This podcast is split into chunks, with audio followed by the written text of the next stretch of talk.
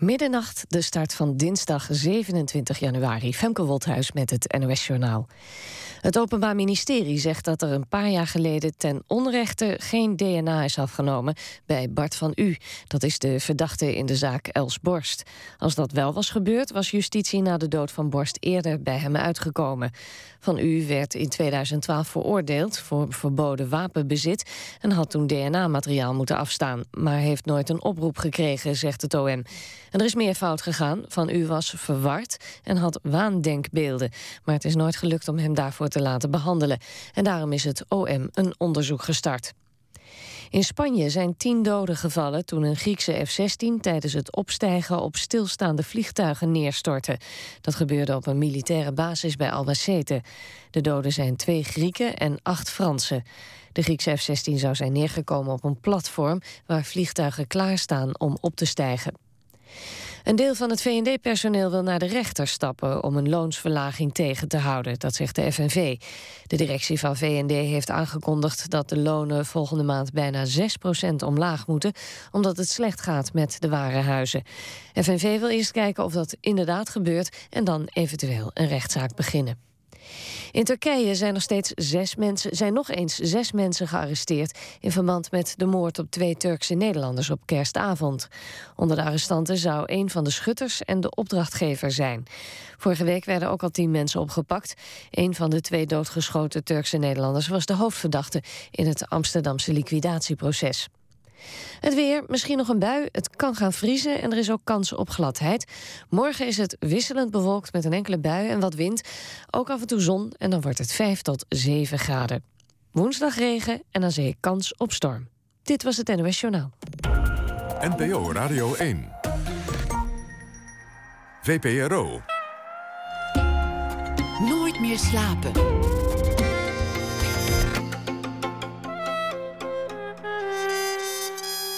Met Pieter van der Wielen.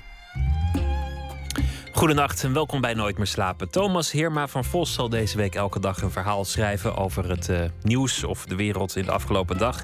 Hij draagt dat voor na één uur een documentaire uit 1945 over de concentratiekampen, gemaakt onder andere door Alfred Hitchcock. Na 70 jaar wordt hij alsnog uitgebracht, ook dat na ene. En Griekenland, het was het grote nieuws, heeft een nieuwe president, een nieuwe minister-president, die een nieuwe koers belooft.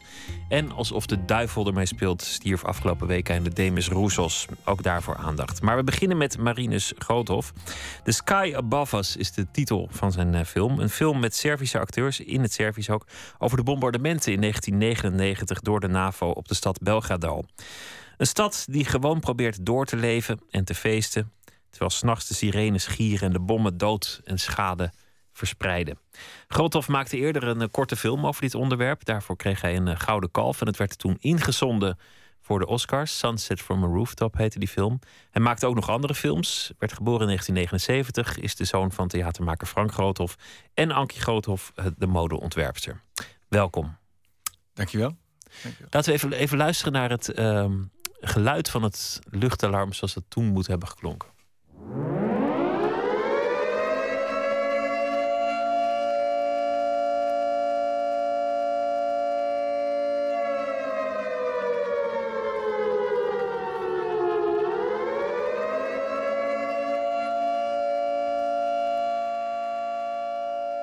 Is dit hetzelfde soort luchtalarm? Of ben je inmiddels ook een beetje een kenner dat je denkt: nee, maar dit is een, uh, is een ander type sirene? Dit. Ja, de, uh, het kon heel verschillend klinken. Want je hebt ook verschillende stadia van luchtalarm. Een afstervend luchtalarm. Uh, een luchtalarm van dichtbij klinkt weer net iets anders dan van heel ver weg. We hebben tijdens de. We hebben in de geluidsmontage ook echte opnames gebruikt van het luchtalarm.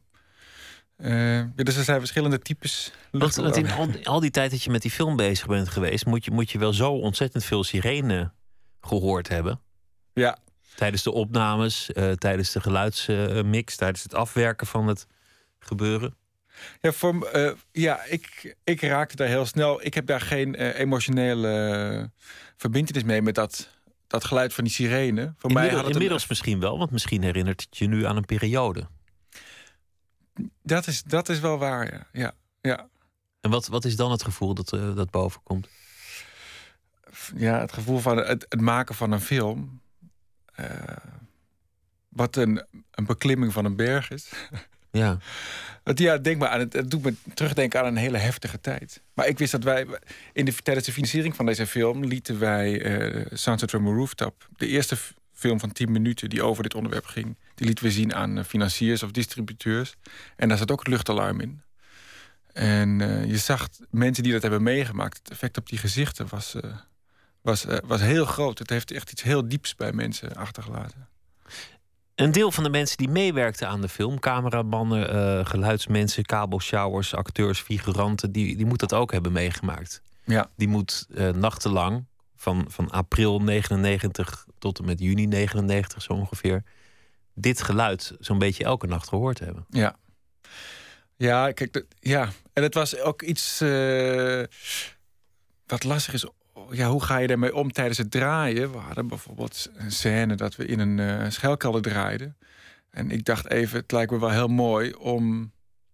Want je hoort het luchtalarm. Zij horen zachtjes het luchtalarm uh, van boven. En, en, mijn hoofdpersonage gaat de schuilkelder in. Het leek mij een goed idee om dat luchtalarm te laten klinken in die schuilkelder. Zodat iedereen een beetje in de, in de sfeer in kwam. In de sfeer kwam. Maar dat hebben we uiteindelijk toch niet gedaan. Want ik dacht, shit, dat is misschien wel... Uh, dat is heel heftig, weet je, om dat opeens weer aan te zetten... terwijl die mensen in een schuilkelder zitten. Iets wat 15 jaar geleden is gebeurd. Ja, dus dat hebben we eigenlijk niet gedaan. Want het, het, het snijdt wel echt diep, dat geluid. Het was uh, april 1999, het einde van een hele lange uh, reeks van conflicten... Die, die uiteindelijk één grote oorlog in voormalig Joegoslavië hadden ontketend. Heel veel kleine conflicten zijn er eigenlijk tot één grote oorlog uh, verworden. En aan het eind van die hele periode ontstond dit laatste conflict. En dat ging over Kosovo. De Albanezen versus de Serviërs. En de NAVO, die aanvankelijk niet zo goed kant wist te kiezen, die koos uiteindelijk ervoor om Belgrado te bombarderen. Ja. Naar ze toen zeiden om, om uh, etnische zuiveringen te voorkomen.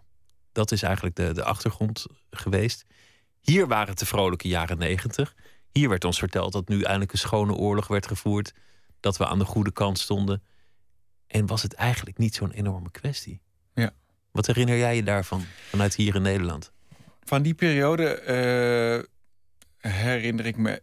Ja, ik herinner mij andere dingen dan... dan je was die 20. gebeurtenis. Ik was, ja, ik, ben, ik was 20, 1920. Uh, ik was daar niet mee bezig. Ik heb die oorlog wel meegemaakt um, in televisiebeelden. Het bombardement zelf op Belgrado. Uh, kan ik me, heb het zo ongetwijfeld hebben gezien, maar ik kan me niet zo heel erg herinneren. Nee. Dat is mij eigenlijk pas toen ik daar aan het werk was in Belgrado, toen ik daar terecht was gekomen, uh, heeft een vriendin mij dat verteld over die periode. En toen dacht ik, van shit, dat is, dat is waar, ja. Dat was, dat was zo. Um, en toen kwam het eigenlijk voor de eerste keer echt tot, tot leven voor me. Terwijl Nederlanders waren um, zo'n beetje de eerste die, die een bom mochten gooien. De Nederlanders ja. vlogen mee. Uh, dat is toen nog, nog hier een beetje gedoe geweest, omdat er, dat er geen parlementaire toestemming voor was gegeven. Dat, dat werd eigenlijk vrij snel binnen, binnen de regels van de NAVO werd dat beslist dat, dat ze meededen. En was een van de eerste bommen. Dat was dan aan Nederland om die, die af te werpen. Ja. Ik kan me niet herinneren dat dat hier een enorme kwestie was. Ik kan het me ook niet herinneren. Maar als ik terugdenk aan, uh, aan 99.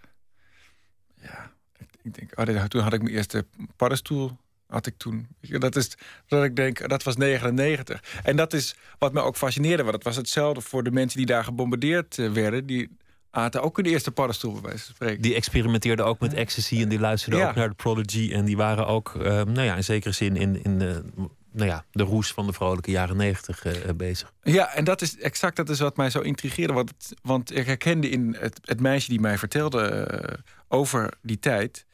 Uh, zo ongelooflijk mezelf in zo'n andere situatie als waarin zij zat. Uh, en ja, dat fascineerde mij uh, maatloos. Ik dacht, ja, hoe zou ik reageren in deze situatie? Als, als wij opeens gebombardeerd zouden worden, wat zou ik dan gaan doen? En ik, had, ik, ja, ik kon me daar nooit eerder... Of ik, misschien heb ik me die vraag nooit eerder afgesteld. Het, uh, het zou ook kunnen. Maar ik kon me dat nooit eerder indenken... omdat situaties om ons heen, eh, die in de wereld gebeuren, soms zo extreem zijn. Of soms, eh, hoe zeg het, eh, verworven zijn met, met zware politieke en religieuze conflicten. Maar voor, voor dat meisje bijvoorbeeld in Belgrado was dat allemaal niet aan de hand. Zij, zij zat daar, deed hetzelfde als ik en dan werd opeens gebombardeerd. Het waren de precisiebombardementen, dat, dat klopt ook wel redelijk. Het, het waren strategische doelen. Dus, dus een brug of een, of, een, of een ministerie. Maar ja, dat wil natuurlijk niet zeggen dat er niet mensen toevallig in dat gebouw zitten of op die brug staan. Ja. Maar het betekende wel dat je in grote delen van de stad relatief veilig was. Ik bedoel, het is niet zoals de Blitz in, in Londen in 1940 of, of, of, iets. Nee, het was, het was uh, bekend van tevoren wat er gebombardeerd zou gaan worden. Uh, dat kon je vinden op, uh, op sites of dat werd ingebeld vanuit andere landen. werd zelfs ingebeld van hey, ze stijgen nu op. Weet je, een, een, een neef van iemand uh, die, die, ik daar ken bijvoorbeeld, die belde dan: hey, ze vliegen, ze vertrekken nu vanuit Italië. Ze zijn over, ja, zeg, zijn over een half uur bij jou. dus het was wel bekend wat er ging gebeuren. En dat maakt het ook zo schizofreen, want het kon ook wel fout gaan. Soms, soms was het niet zoals er werd gezegd. Um, zijn een paar fouten ook gemaakt, een paar afzwaaiers. Ja, ik heb, ik heb uh, researchmateriaal uh, gezien daar. Er zijn, zijn behoorlijk wat afzwaaiers gemaakt. Hele verschrikkelijke afzwaaiers. Dus het was, niet, het was wel precies bombardement, maar het, van wat ik heb gezien in materiaal... was het wel ook wel veel, veel minder precies dan werd voorgedaan. Zeg maar. En een bepaalde soorten bommen waarvan ze inmiddels vinden... dat je het eigenlijk niet kan maken om die af te werpen? Eh, fragmentatiebommen en, en, en dat soort ja, dingen. ja, inderdaad. Er werd, volgens mij werd er, althans, ja, ik denk dat er ook een beetje geëxperimenteerd werd door de NAVO. Wat, wat kunnen we nou allemaal? Het was een eerste samenwerking, geloof ik ook. Hè? Wat kunnen we nou allemaal. Uh, wat is er voorradig? Wat kunnen we doen? Hoe is, het gekomen? heeft het? Hoe is het gekomen dat een, een, een, Nederlandse filmmaker daar over een, over een plaatselijk trauma een film gaat maken? Want dat, dat is natuurlijk eigenlijk een opmerkelijke situatie. Ja, ja, dat is, dat is uh, niet zomaar gekomen. Dat, dat gaat geleidelijk aan. Uh, mijn vriendin destijds kwam uit, uh, uit Servië en Kroatië. Wij waren op vakantie onderweg naar de Kroatische kust. En wij stopten in Belgrado, want daar woonde haar vader. En ehm, ik voelde me gelijk heel erg aangetrokken tot die stad. Het was een, rauwe, gekke stad. Wij liepen daar rond, vrienden namen ons mee. En opeens uh, keek ik uh, om mijn schouder en zag ik een groot gebombardeerd gebouw staan. Wat toen, dat was, dit was acht jaar geleden, was, was, nog, was heel vers ook nog. Zeven jaar oud was dat uh, gebombardeerde gebouw. Iets in de mensen, in, in een bepaald soort van intensiteit. Ehm, en de rauwheid van die stad, die trokken mij in eerste instantie heel erg aan. En ik had net. Nee, ik had, wij waren nog niet zwanger. Ik had nog, uh, toen wij zwanger raakten, dacht ik, ik wil graag films gaan maken. Ik wil graag regisseren en schrijven. Daarvoor draaide ik. En mijn eerste film wou ik graag daar draaien.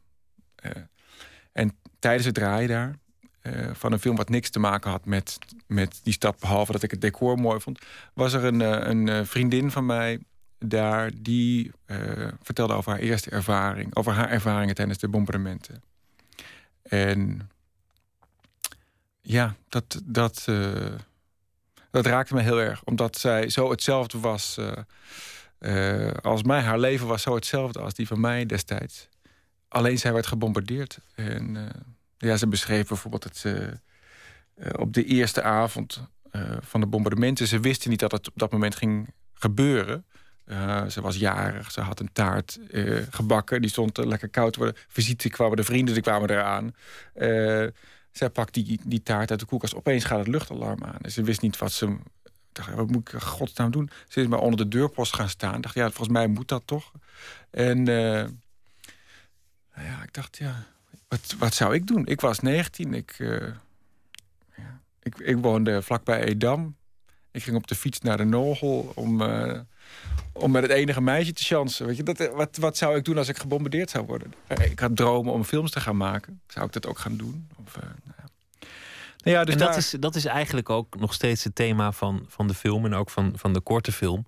Niet zozeer de politiek, niet zozeer de bombardementen, maar gewoon het, het leven dat doorgaat in een stad waar s'nachts toevallig wat bommen vallen. Ja. Dat is eigenlijk het, het thema. Je, je vriendin je zei, uh, jullie, jullie waren zwanger. Ja. zij, zij was zwanger, maar, zij maar was zwanger. zo nee, zeg ja, je dat bent dan? nooit alleen zwanger. Nee, natuurlijk. Nee, dus, dus, er hebben er altijd twee schuld, hè? Ja. Die, ehm, jullie, ehm, jouw zoon is dus half eh, Kroatisch. Ja. Je nieuwe vriendin, of, of je latere vriendin, die Ja. komt ook uit die streek. Dat, is dat toeval? Ehm jemig, is dat toeval? Het is, dat is zeker toeval. Zij, eh, ja, dat is, een, dat is een heel verhaal op zich. Ik was een film aan het maken. Ik, ik en eh Anja, mijn ex, wij, wij waren net uit elkaar gegaan. En een vriend van mij uit België vroeg mij om... eh, of een goede vriendin van hem met mij kon praten... om een, eh, een, een korte dansfilm te maken. Dat was Dunja. En wij zijn toen samen eraan begonnen. Alleen het was twee kapiteins op één schip. Twee, eh, ja, wij zijn allebei leeuw. Twee, twee leeuwen, twee hele eigenwijze mensen. En eh, ik vond haar verschrikkelijk. Ik haatte die vrouw. Eerlijk gezegd een half jaar lang. Totdat we die film hadden gemaakt. En in, tijdens de montage opeens ongelooflijk verliefd op elkaar werden. Dus het, is, eh, ja, het moest zo zijn, maar het was niet eh, gepland dat ze uit Servië zou komen. Nou ja, er komen hele mooie vrouwen vandaan. Dat, dat, is, eh, dat, is alom bekend. Je hebt dus kortom een, een flinke band met, met dat gebied. Je bent daar gekomen voor het eerst in een periode dat het eigenlijk nog best vers was, die, die bombardementen. Je hebt al iets verteld over hoe mensen daarop terugkijken en hoe mensen daarmee omgaan. Is het, is het een trauma? Is het een gevoelige plek voor mensen?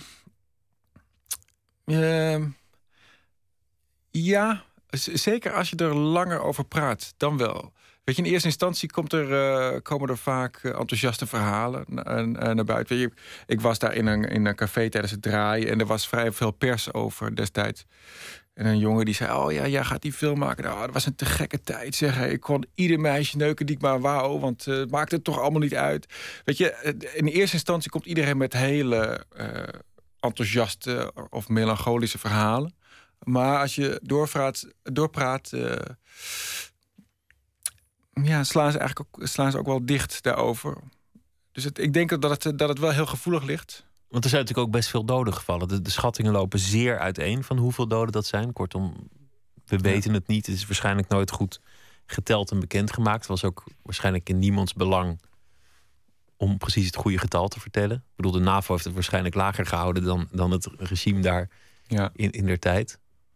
Maar wat je zegt is natuurlijk ook wel waar dat een heftige tijd, dat hoor je ook over de Tweede Wereldoorlog. eh, in Griekenland tijdens die crisis zeiden heel veel mensen dat ook. Van het is eigenlijk een hele leuke tijd, want elke avond demonstreren en elke avond met een ander meisje naar huis.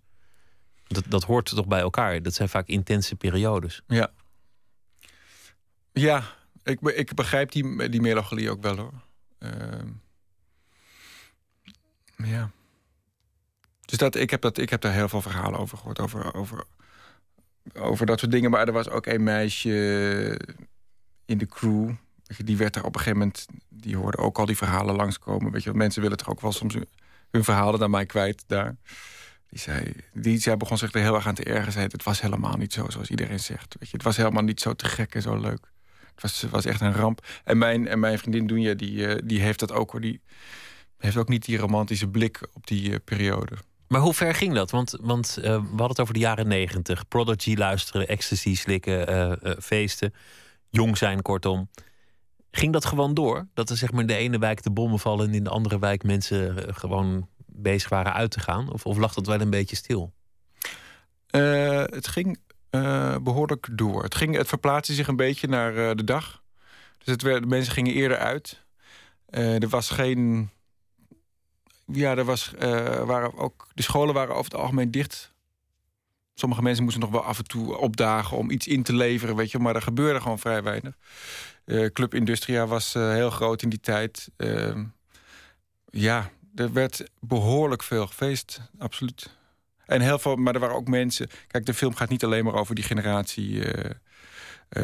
over mijn generatie, maar ook over. er zit een, een vrouw in van. Nou ja, die nu mijn leeftijd heeft. En een, een man van in de 50. Ehm, ja. Voor- iedereen, iedereen heeft het wel anders beleefd. Maar mijn generatie, ja, die, was, die waren over het algemeen veel aan het feesten. ja. Dat zit ook in de film op een gegeven moment. Hè? Dat, dat, dat een jongen helemaal bezweet en, en high... eh, raar staat te dansen. En dat, dat, dat constante contrast, dat, dat maakt die film ook wel eh, extra spannend, Ja. vond ik. En het feit dat je op geen enkel moment de straaljager ziet pas, pas heel laat. Dus het heeft een beetje het effect van Jaws. Je weet dat er een haai is, maar je ziet die haai de hele tijd niet. En je ziet alleen maar shots van rimpelend water. Veel shots van de lucht, veel shots van daken. Ja. En permanent dat luchtalarm, dat, dat, dat maakt de spanning natuurlijk heel groot als je het gevaar niet ziet. Maar dat is waarschijnlijk ook hoe het moet zijn geweest.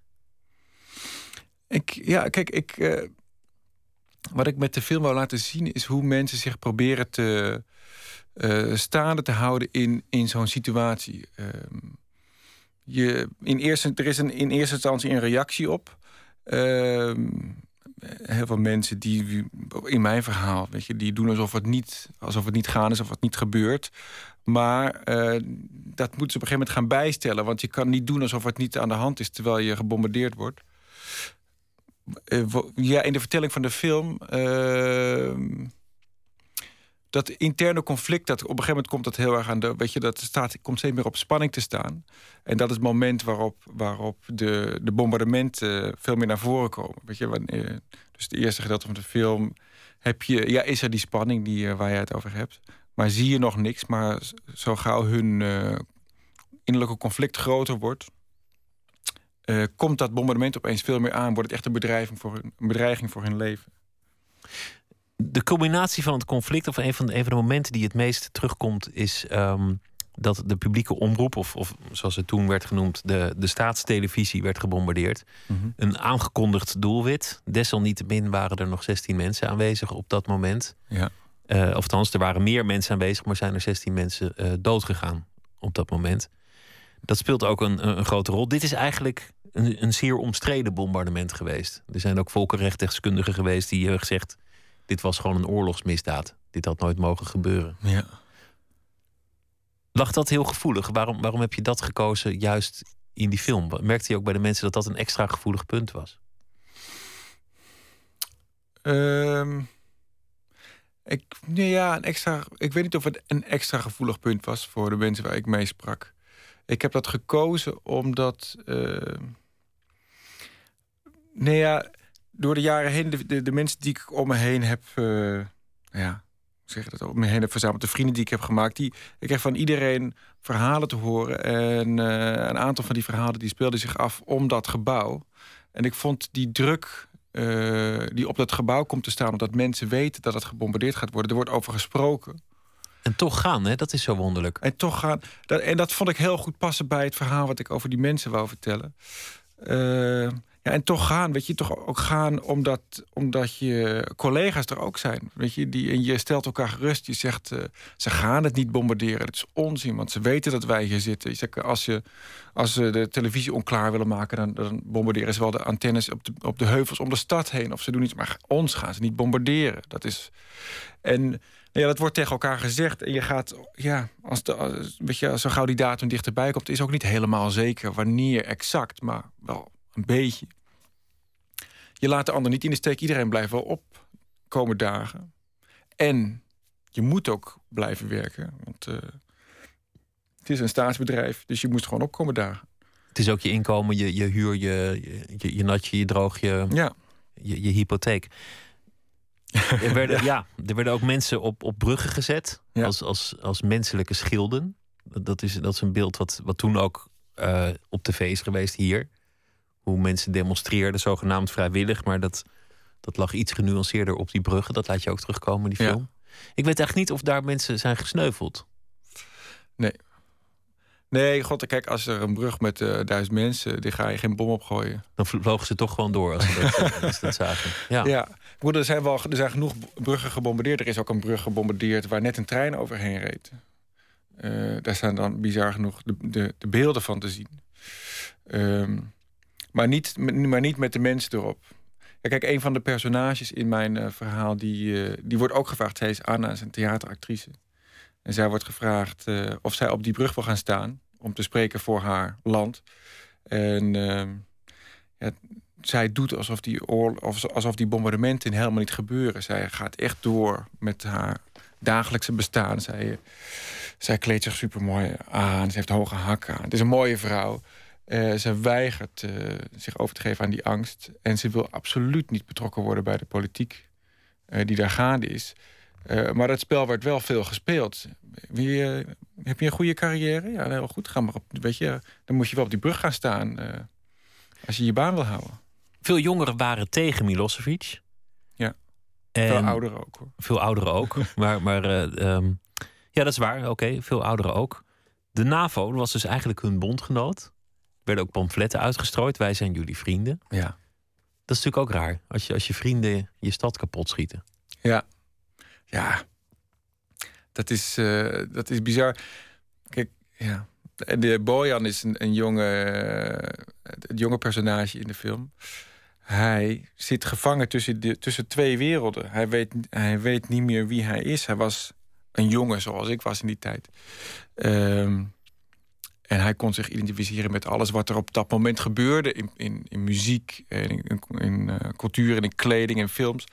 Uh, en heel veel daarvan kwam uit het Westen. En hij dacht dat hij niet anders was dan, dan ieder ander. Uh, tot op de dag dat, dat hij wordt afgeschilderd door, ook zeg maar door, westerse propaganda. Zeg maar, als een, ja, soort van middeleeuwse moordenaar. Uh, terwijl hij aan de andere kant door zijn eigen land. Uh, weet je, de propaganda die in zijn eigen land, die als van Milosevic, dat een heel goed, heel sterk propagandamachine. Daar kon hij zich ook helemaal niet mee identificeren. Dus hij viel tussen twee werelden in. Hij dacht dat hij hetzelfde was als de rest, maar dat is helemaal niet zo. Um, en die gaat een soort van verloren, loopt die jongen door die stad heen. Uh, en ja, die, die gaat maar uit om een soort van afleiding te hebben. Een raar conflict. We gaan luisteren naar uh, muziek. Want uh, Paul McCartney die, uh, nou, die kwam laatst in het nieuws omdat hij een duet had gemaakt met Kanye West. En nu is er weer een duet. Hij heeft altijd van duetten gehouden hoor. Met Stevie Wonder, Michael Jackson, Johnny Cash, noem maar op. Nu is het Rihanna. De reacties tot nu toe zijn verdeeld. De The Guardian die schreef... Het is nu al een van de meest afschuwelijke nummers van 2015. Ik laat het oordeel graag aan de luisteraar zelf over. For five seconds. think I've had might get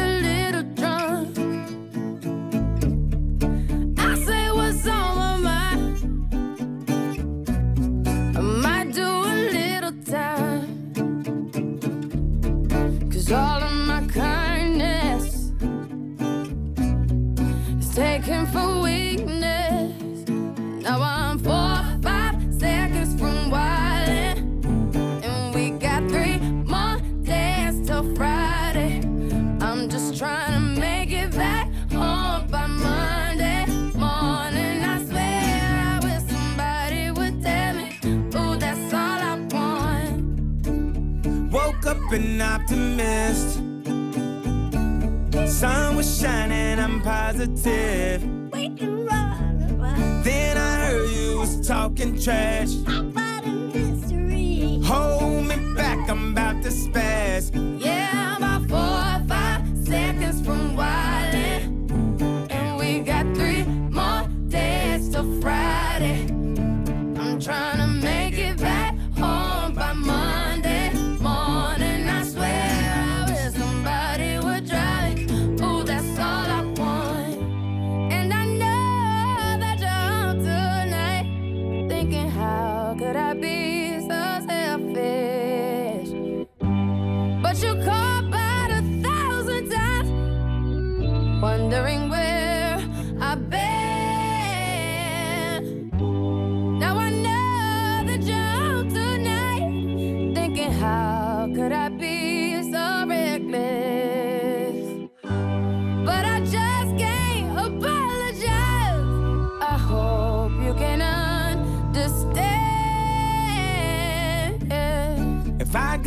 jail tonight,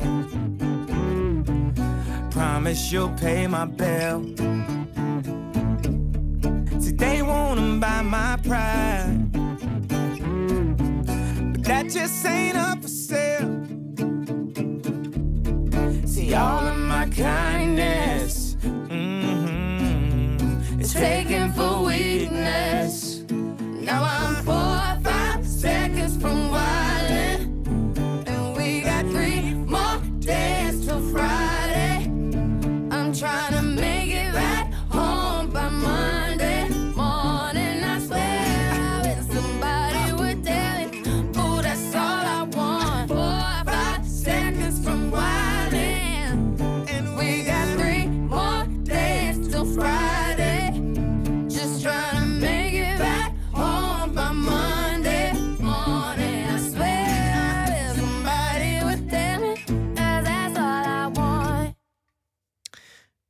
4 5 Seconds van ehm, Paul McCartney samen met eh, Rihanna. En als dit de meest afschuwelijke plaat van 2015 is, dan wordt het volgens mij een heel leuk jaar.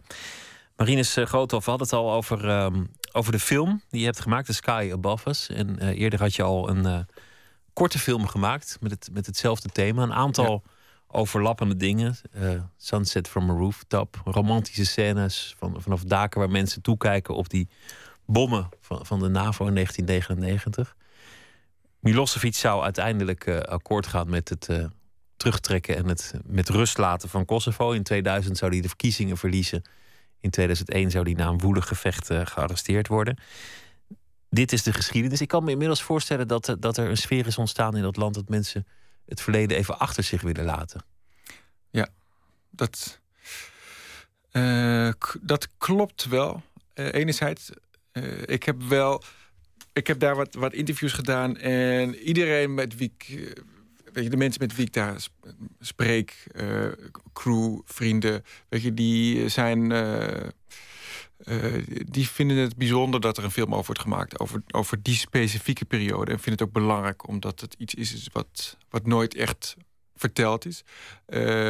maar ik merk wel met de mensen die ik niet persoonlijk spreek op ik weet niet, Twitter of reacties op, op artikels op internet... dat er ook wel wordt gezegd, oh, laat ons met rust. Uh, of waarom moet een Nederlander uh, hier een film over maken? Zij waren toch uh, de eerste die met die bommen kwamen, weet je. Dus. Hoe, ja. hoe kan dat? Waarom is het nooit gebeurd? Ik bedoel, het is nu, nou ja, 15 jaar geleden. waarom is er niemand in het land zelf op het idee gekomen... om daar een film over te maken? er is één film die dat wel behandelt. Skyhook. Uh, naar ik weet, maar over het algemeen uh, zijn de films daar uh, gaan over het trauma na de oorlog. Hoe mensen proberen hun leven weer op te pakken of hoe hun leven verwoest is door wat er gebeurd is. Maar op dat specifieke moment, die drie maanden na het bombardement, zeker niet zoals ik het aanpak, dat is, dat is er nog niet. Nee. Spreek jij de taal? Ik spreek de taal slecht. maar je moet regisseren, je moet, moet acteurs aanwijzingen geven. Dit, dit, dit, zinnetje moet je overnieuw doen. Hier moet je iets meer nadruk op leggen. Ja, nou gelukkig, om, omdat ik dankzij de liefde al, uh, even kijken, tien jaar de taal om me heen hoor. Uh, snap ik de taal wel. Ik weet wel hoe die gesproken wordt en ik weet wel de emotie van de taal. Um, en ja, tijdens het draaien, het was ook wel spannend. weet je, gaat dit, gaat dit wel goed? Uh, het, was niet, het was absoluut niet makkelijk. Maar ik had uh, mensen van de crew, weet je, de focuspoeler. Dat is iemand die, die het scherp houdt, die het beeld scherp houdt. Die op een gegeven moment naar mij toe kwam en zei... ja, weet je, ik, ik heb wel bewondering voor hoe je het doet. Want volgens mij spreek je die taal helemaal niet zo, goed. En, of hij wist eigenlijk dat ik hem bijna niet sprak. Um, maar je pakt wel steeds de goede take eruit. En als, het, als je het nog niet hebt, weet je dan dan wacht je totdat je het wel krijgt. Of dan zorgen dat je het wel krijgt. Je, hebt steeds, je pakt steeds die take waarvan ik ook denk dat het zou moeten zijn. Dus je voelt wel of de intentie goed is. Ondanks dat je niet hoort wat er nou echt gezegd wordt.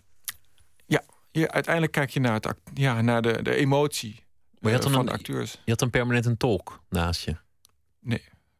Ook niet. het was een, een, gigantische uitdaging. Dus op, het, het, script, en de, want de dialogen zijn heel moeilijk te vertalen. Bleken heel erg moeilijk te vertalen te zijn. Uh, was een grotere uitdaging dan ik dacht. Uh, en dat was nog wel eens een punt van discussie op de set. Uh, en dat, dat was voor mij heel zwaar. Want je staat toch wat uh, minder sterk in je schoenen dan.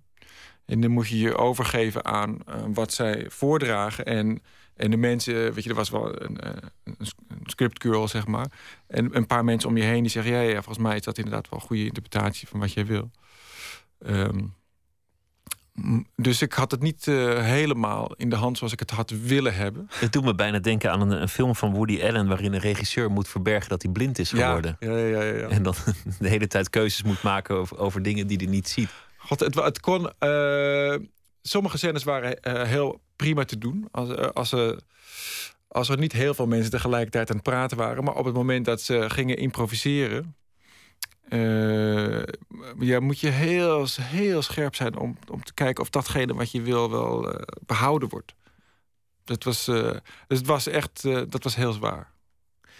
Een ander ehm, iets is, je zei aan het begin dat veel mensen, ook, ook van de acteurs, die periode hadden meegemaakt. Jij moet dan gaan zeggen: Ik wil dat je dit iets intenser doet. Ik wil dat je dit minder intens doet. Jij moet aanwijzingen geven. Ja. Terwijl het eigenlijk over hun verleden gaat. Dat was. eh, nou, ik geloof dat alle acteurs wel aan mij hebben, dat aan mij hebben gegeven van dit is jouw film, dit is jouw interpretatie. Ehm, bovendien zijn jouw personages, weet je, ik heb ze eh, geschreven, dus ze, ze handelen naar eh, inzicht voor wat voor het script zou werken. Ehm, maar ja, god, je hebt wel, toch wel momenten dat ze zeggen ja, het is meer dit of meer, eh, meer dat. Ehm, en Hadden ik- zij de neiging om, om het meer aan te zetten of minder aan te zetten? ja, wat, zij wat er soms wel eens gebeurde, ja. Eh, wat- wat er wel eens, ik weet bijvoorbeeld één scène waar ik spijt van heb als ik hem in de film zie. Denk ik, oh, dat doet pijn. Ehm, waar ehm eh, een van de hoofdpersonages op de binnenplaats komt s'nachts. eh en daar staat de hele de, buurt staat buiten te wachten op het, eh, op het vliegtuig wat over een half uur gaat komen. En daar praten ze over. Ehm, en voor mij was dat zeker op dat moment in de film, waar je als kijker zou moeten zijn, best wel een, een, een, ding dat je beseft: fuck, weet je, over een half uur worden wij gebombardeerd en wij staan hier gewoon buiten te kletsen. En dat hebben zij uiteindelijk, en daar heb ik maar in mee laten gaan, hebben ze te licht gebracht. Het was te nonchalant. En misschien was dat wel, eh, hebben zij wel die herinnering eraan dat het nonchalant was. Maar ja, dat werkt bijvoorbeeld niet. Dat, zou, dat werkt dan niet voor de film. Daar wil, je, daar wil je eigenlijk dat het net iets meer impact heeft.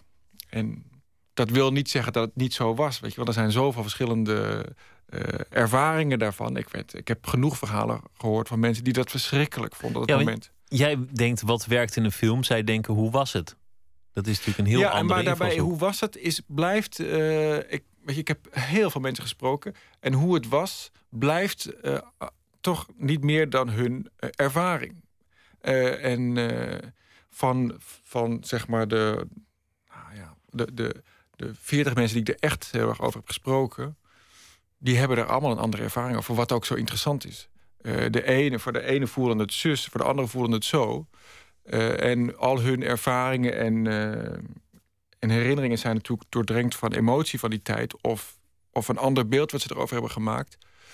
En het is ook aan mij om, dat, om daar een beetje de waarheid in te zoeken. En ook de waarheid van, van het verhaal van mijn film. Ehm, dus ik zei. Ja, voor de mensen met wie je werkt, ja, die hebben het inderdaad meegemaakt. Maar dat wil nog niet zeggen dat zij 100% weten hoe het ook was. Snap? Dat hun- is dat hun versie gek, klopt. Maar, Iedereen maakt overal een verhaal van. ja. We, we hadden het over de jaren negentig en die geschiedenis in Joegoslavië. En eigenlijk was het, het beeld van de Serviër was gitzwart. Ja. Wat de rest van Europa had. Een, een Serviër was bij wijze van spreken iemand die, die liefst gewapend met een, met een geweer rood aangelopen en stomdronken zijn huis uitliep om zijn buren af te knallen. Want, want wij kregen echt gruwelijke anekdotes dag in dag uit over Ja. de Serviërs. Als er, als er één kwade was in dat gruwelijke conflict, dan waren het in, in de westerse kranten de, de Serviërs. Hoe, hoe, hoe kijken ze daar tegenaan?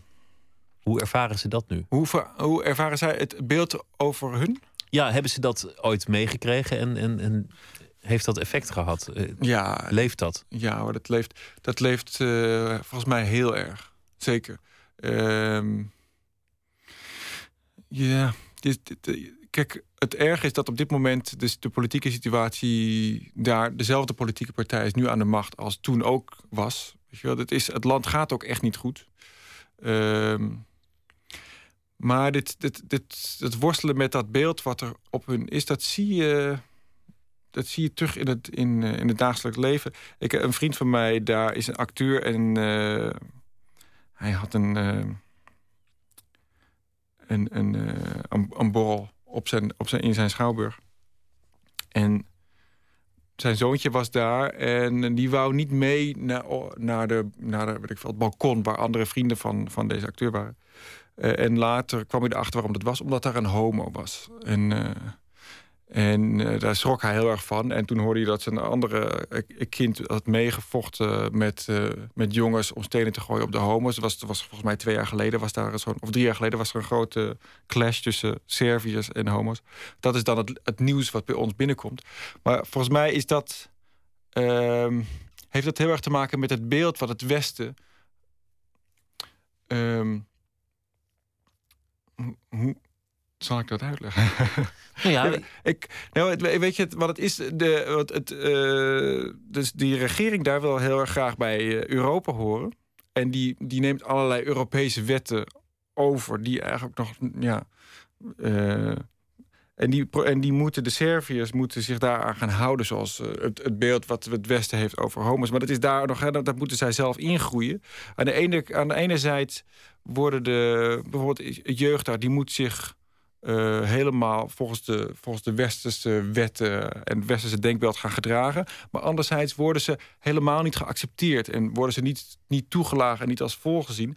En volgens mij ontstaat daardoor uh, een heel rare manier van een heel raar nationalisme. Van nee, wij zijn gewoon. Uh, rot op jullie westerse, wij zijn Serven. En daardoor komt dit soort van geweld, dat soort bijvoorbeeld homo-haat, komt daar vandaan. Ik weet niet of ik dat nu goed uit heb gelegd, maar nou ja, wat, wat, wat, wat um, boeit jou zo in het land? Want oké, je bent verliefd en dan vind je ook het land van herkomst van je geliefde automatisch leuk. Dat, dat, dat lijkt me menselijk. Ja.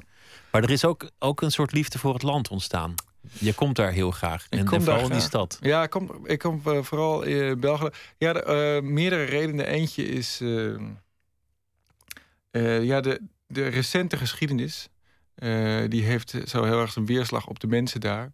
En dat, dat voel je. En dat, dat vind ik intrigerend. De, iedereen die daar rondloopt, uh, die heeft die oorlog meegemaakt. Die, die is gebombardeerd. Die heeft uh, geprotesteerd. Of die heeft misschien wel meegeschoten. Weet je wel? De taxichauffeur waar je dan in zit... en die vertelt opeens een verhaal dat je denkt... oh, jezus, wat is dit? Um, en, en dat recente verleden, dat, dat maakt... wie ze zijn, dat voel je. En dat, dat intrigeert me heel erg. En word je dan ook wel eens tegen taboes aan? Dat je ergens niet over moet beginnen? Ja, uh, dat heb ik, had ik vooral als ik tussen twee, die twee landen zat. Tussen, ik was dan in, in Zagreb. En daar, dat was toen met mijn toenmalige vriendin, was ik liedjes aan het zingen van een Servische zanger. Ik was ik gewoon zo naïef als ik was. In die, het was op een busstation en ze zei... je, absoluut niet, geen Servische dingen hier doen. Um, en, als, en ik weet ook met haar, maar ik, dat heb ik dus niet zelf eigenlijk direct... maar als ik met haar dan in België was... dan moest ze opletten op, uh, op haar Kroatische accent. Weet je, dat, maar misschien is dat zoals zij dat heel erg voelde. Maar God, nou er ligt wel gevoeligheid daar, hoor, absoluut. Als Srebrenica hier al zo'n blauwe plek is... die pijn doet als iemand erop drukt... Hoe, hoe groot moet het trauma daar dan wel niet zijn? Ja, dat is. dat is een enorm trauma, lijkt me. Ja. Wat, wat is leuk om te doen? Los van dat het verleden daar is en, en dat het intrigerend is en dat het um, ook een intens volk is en een intense cultuur. Wat, wat is leuk om daar te doen? Zijn, zijn er musea? Zijn er goede restaurants? Is, is er een het koffietentje? Is, ja, wat ik, uh, het is heerlijk om die stad te voelen. Ik uh, was daar, ik heb er onlangs weer een uh, film gedraaid. En ik ga het liefste ga ik daar aan het einde van de dag uh, of s'nachts door die stad wandelen en weer nieuwe wijken tegenkomen. Want op zich is de stad zelf. Het is een hele ruige, misschien een beetje lelijke stad, maar er is niks te beleven eigenlijk. Maar wat wel te gek is, is om daar rond te lopen. Want het is zo'n gekke, diverse, visueel waanzinnig mooie stad. Uh, als je van dat soort rauwige uh, houdt. Je, je, loopt daar uren door, door zo'n gekke stad waar, waar flats en kleine huisjes elkaar afwisselen. Uh, en uiteindelijk kom je dan bij de Sava en daar ligt uh, een visrestaurant wat, uh, wat aan het zinken is, letterlijk. En je komt daar naar binnen, er is een ober die ligt met zijn hoofd op de tafel. En die staat op en je bestelt een biertje, je gaat buiten zitten. En die man die brengt dat biertje over een hele lange loopplank. Die is verlengd namelijk omdat het ook nog eens een keer... het hele terrein eromheen aan het zinken is. Weet je, de straatverlichting staat onder water. Um, en dat soort bizarre, eh, dat is dan het toetje van zo'n wandeling. Uh, ja, dat vind ik, daar, daar, dat vind ik heerlijk. Dus merk, je, merk je dat het snel verandert, dat het, dat het moderniseert? Want Heel het kwam natuurlijk uit het. Oostblok. En het, het komt toch steeds meer naar Europa.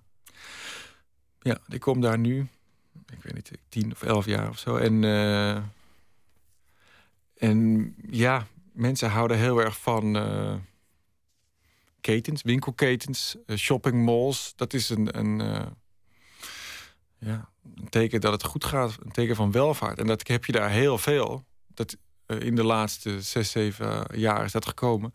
En langzaam wordt zo een beetje het authentieke van een stad weggetrokken, zeg maar.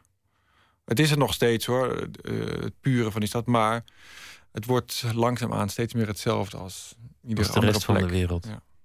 We gaan luisteren naar eh, Massive Attack, over de jaren 90 eh, gesproken. 1998, Mezzanine was een, eh, een, een enorme hit. En het nummer was. Teardrop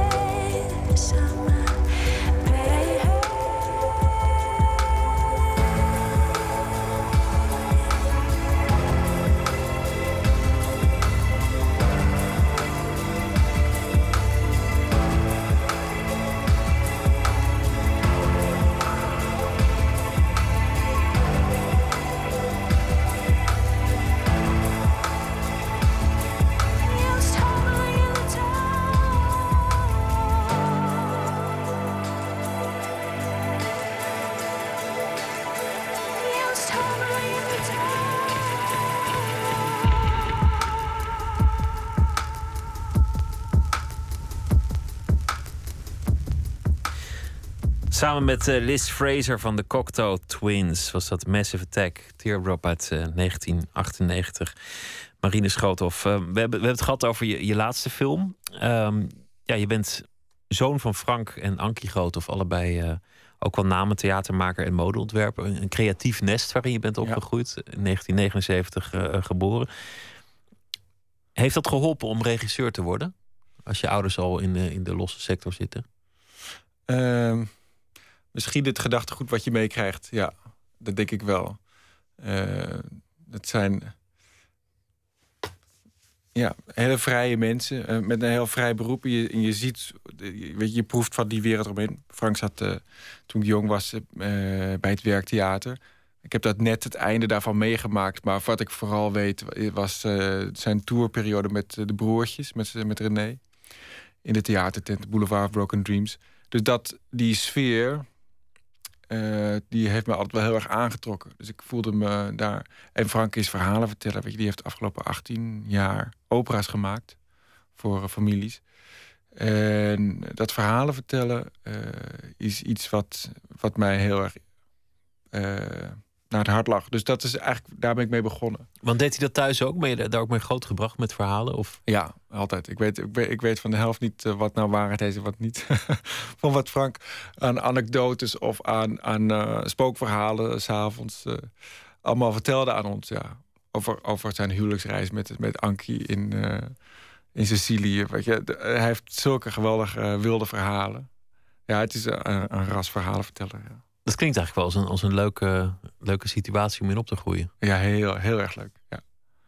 Je volgende film zal, zal weer um, in Servië worden opgenomen. En zal weer eigenlijk een Servische film zijn. Want dat, dat is wat we gerust kunnen zeggen: dat je Servische films maakt. In het Servisch met Servische mensen. En, en ook voor een deel op die markt. Uh, ja, gericht. Ja, nou, ik hoop wel met, met The Sky Above Us. Uh, ik denk wat deze film deels ook interessant maakt, is. Uh... Ja, hij komt hier, gaat hij in première op het, op het filmfestival. Ja. Dus dit is wel echt een internationale het is, film. Het is voor de nou wereld. geen Servische. Het gaat wel over een Servisch onderwerp, maar het is geen Servische film. Soms, bedoel, er worden hele mooie films aan gemaakt hoor. Uh, maar het zijn ook wel specifieke verhalen die misschien soms niet even makkelijk kunnen reizen, omdat, er, omdat ze doorspekt zijn van een bepaald soort van humor. Uh, en deze film pakt, pakt, het, uh, pakt die periode en die mensen op een hele andere manier aan dan zij het misschien zelf doen. Dus ik denk juist dat het wel een hele internationale film is. Ja. Je hebt ook een Nederlandse film gemaakt, een, een korte film op zee, naar het, ja. uh, het boek van Heijmans, wat ineens uh, in, in, het buitenland ook een enorm succes werd. Je hebt ook nog andere nou, die film, ja, ik kan me voorstellen. andere dingen gedaan. Die eerste korte film die je maakte over dit onderwerp, kreeg je meteen een gouden kalf voor. Ja. Dat was eigenlijk ongelooflijk, zo snel in je carrière meteen de hoogst denkbare onderscheiding binnenhalen. En het werd de Nederlandse inzending voor de Oscars. Voor de categorie ja, korte ja, film. Ja, dat was te gek. Onvoorstelbaar eigenlijk, hè, wat er is gebeurd toen. Ja, dat was, dat was genieten. We waren zelfs shortlist uh, Oscars uh, destijds. Ja, ik, uh, ik ja, was er ongelooflijk blij mee dat die film het goed deed. En dat mensen waardeerden dat die veel heeft gereisd. Ja, het is te gek. En nu met, met IFFR Live, waar deze film, The Sky Above Us, in première gaat die gaat uh, in één keer in 40 bioscopen door heel Europa in première. Dat is en, een experiment wat ze dit jaar doen. Hè? Dat, je, ja, dat hij gaat dan is, in première, maar dan tegelijk in 40 zalen is die te zien. Uh, en uh, voor mensen die KPN hebben, die kijken er thuis, die kunnen er thuis ook de première live volgen. En iedereen, of thuis achter de televisie of in bioscopen door heel Europa, kunnen dan aan het einde van de film vragen stellen via Twitter bij de Q&A. Dus het is een, een geweldig concept. Ik ben heel benieuwd. Ik heb gehoord dat de eerste uh, twee uh, edities daarvan uh, erg, of van de afgelopen week, heel erg succesvol waren. Ik ben heel benieuwd wat, hoe dat, wat dat gaat doen. Maar voor mij is het, is het heel fijn dat die film gelijk zo'n grote exposure krijgt. En dat zoveel mensen hem kunnen gaan zien. Je volgende film, wat, wat wordt dat voor iets? Want je, je gaat weer draaien in Servië. Maar wat wordt het voor film? De volgende film is een, een psychologische thriller. Uh, die speelt zich af in Servië. Um, en deze, deze keer niet per se noodzakelijk. Denk ik dat hij in Servië is. Maar ik heb nu de infrastructuur daar liggen, zeg maar. Ik heb er nu drie films gedaan. En het speelt zich wel af in een Oost-Europees land. En waarom dan niet Servië? Het is een. Uh... Is het, is een goed land om te draaien? Want, want je had natuurlijk in die communistische landen vaak een enorme, uh, enorme studio's met hele goede cameramensen en, en vaak een hele rijke infrastructuur. En het is er niet zo duur als, als wanneer je bijvoorbeeld in Hollywood zou gaan draaien. Ja, ja en dat, eh, weet je, die grote studio's, al die dingen, dat heb je er allemaal nog. Wij hebben er ook allemaal wel gewerkt voor de, voor de afgelopen film. Maar dat is, uh, nou ja, dat is gewoon. Dat heeft de tand destijds niet doorstaan. Weet je, het is echt heel oud en vervallen. Alhoewel ze daar weer een hele grote nieuwe, een groot nieuw studiocomplex hebben gebouwd. En er worden veel Hollywood-films gedraaid trouwens op het moment. Crew is erg professioneel en heel fijn. Um, ja, ik werk daar heel graag, zeker. En je komt er ook heel graag, dat helpt natuurlijk. Ja. maar, en dan, maar dan moet je dus wel de financiering uit het Westen halen. Want dat zal je daar niet Ze hebben tegenwoordig wel een tax uh, rebate daar. Dus je kan wel uh, geld wat je daar investeert, kan je weer terugkrijgen. Um, maar inderdaad, voor de, de Sky Above uh, komt Nederland en België hebben het meeste geld bijgedragen voor die film. Dat lijkt me zo frustrerend als je een fantastische infrastructuur hebt in een land om films te maken. En eigenlijk ook een hele professionele traditie van, van schieten en maken van films. En dat alles aanwezig is behalve het budget in het land zelf. En je, en je hebt het over reserve, hè, nu? Ja, ik, ik weet dat dit heel lang het geval was in, in, in Hongarije. Ja, maar het is nog veel erger, want ze hebben... Het is verschrikkelijk daar, maar ze hadden een paar maanden geleden... Eh, hoorde ik van een uh, vriendin... is er dan weer een... Uh, het is zo corrupt als de pest daar... is er een nieuwe minister, voor cultuur aangenomen. En die had in zijn cultuurplan... dat er geen geld meer was voor film en ballet bijvoorbeeld... maar voor mime en circus. Waarschijnlijk omdat hij daar vriendjes heeft die dat wil doen. Terwijl je daar allemaal, allerlei balletacademies hebt. En er wordt, wordt heel veel uh, ballet opgevoerd. En opeens is daar geen geld meer voor. Of er, is, uh, er was ook, er was een half jaar geleden... was er dan weer een, een opening voor geld van het, van het Filmfonds. Weet je wel, dus, um, en een week van tevoren werd bekend dat het thema was... een film over een Tweede Wereldoorlog. Nou, dat had niemand natuurlijk, behalve degene die bij het filmfonds zat. Die wist nog wel iemand die graag die film wil maken. Dus die, weet je, zo werkt het daar. Het is verschrikkelijk frustrerend voor mensen die daar, willen, die daar films willen maken. In die zin is het ook wel uh, toch nog steeds een beetje gewoon lekker de bal kan. Yep, ja. Ja, is het absoluut. Ik wens je heel veel uh, succes. Woensdag gaat hij in première op het Internationaal Filmfestival. Ja. Um, de Sky Above Us, Marine Schoothoff, dankjewel. Heel veel succes met, met die film en ook heel veel succes met uh, de volgende film, met de, de psychologische Dank je. Zometeen uh, in uh, Nooit meer slapen gaan we het onder meer hebben over de Griekse verkiezingen. Want dat was het grote nieuws natuurlijk van vandaag. De verkiezingen van gisteren, de uitslag en nou ja, alle verdere politieke ontwikkelingen die met Europa te maken hebben. Thomas Heerma van Vos die schrijft een verhaal, doet hij deze week elke dag over de afgelopen dag. En we gaan het hebben over een eh, documentaire van Hitchcock. Die hij heeft gemaakt over de Duitse concentratiekampen. Nooit uitgebracht. Nu, 70 jaar later, uh, is die ineens uh, toch nog te zien. Daarover hoort u straks uh, um, twee Hitchcock-kenners, Hans Berenkamp en René Kok. Via Twitter, het VPRO-NMS. Of via de mail nooit meer slapen, vpro.nl. En graag weer tot zometeen.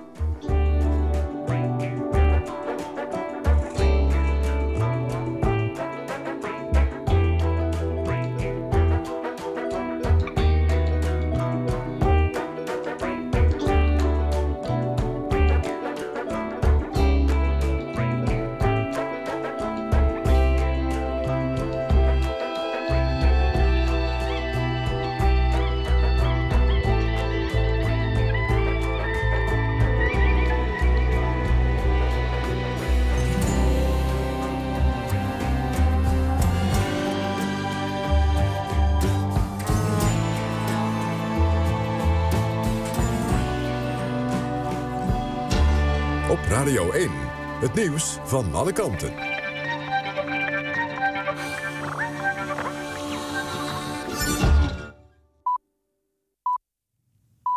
1 uur, Femke Wolthuis met het NOS Journaal. Het Openbaar Ministerie zegt dat er een paar jaar geleden ten onrechte geen DNA is afgenomen bij Bart van U. Dat is de verdachte in de zaak Els Borst. Als dat wel was gebeurd, was justitie na de dood van Borst eerder bij hem uitgekomen. Van U werd in 2012 veroordeeld voor verboden wapenbezit en had toen DNA-materiaal moeten afstaan, maar heeft nooit een oproep gekregen, zegt het OM. Er is meer fout gegaan. Van U was verward en had waandenkbeelden, maar het is nooit gelukt om hem daarvoor te laten behandelen. En daarom is het OM een onderzoek gestart. In Spanje zijn tien doden gevallen toen een Griekse F-16 tijdens het opstijgen op stilstaande vliegtuigen neerstortte. Dat gebeurde op een militaire basis bij Albacete. De doden zijn twee Grieken en acht Fransen. De Griekse F-16 zou zijn neergekomen op een platform waar vliegtuigen klaarstaan om op te stijgen. Een deel van het VND-personeel wil naar de rechter stappen om een loonsverlaging tegen te houden, dat zegt de FNV. De directie van VND heeft aangekondigd dat de lonen volgende maand bijna 6% omlaag moeten, omdat het slecht gaat met de warenhuizen. FNV wil eerst kijken of dat inderdaad gebeurt en dan eventueel een rechtszaak beginnen. In de Verenigde Staten is een voormalig CIA-agent schuldig bevonden aan het lekken van gevoelige informatie. Jeffrey Sterling lekte informatie over de ondermijning van het Iraanse nucleaire programma aan een journalist. Die verwerkte het in een boek. Volgens de aanklagers heeft Sterling mensenlevens in gevaar gebracht. De zaak liep al jaren en liep mede vertraging op omdat de journalist, Pulitzerprijswinnaar James Risen, weigerde te getuigen. Het weer, misschien nog een bui. Het kan vriezen. Er is dus kans op gladheid. Morgen wisselend bewolkt met een enkele bui en wat wind. Maar ook af en toe zon.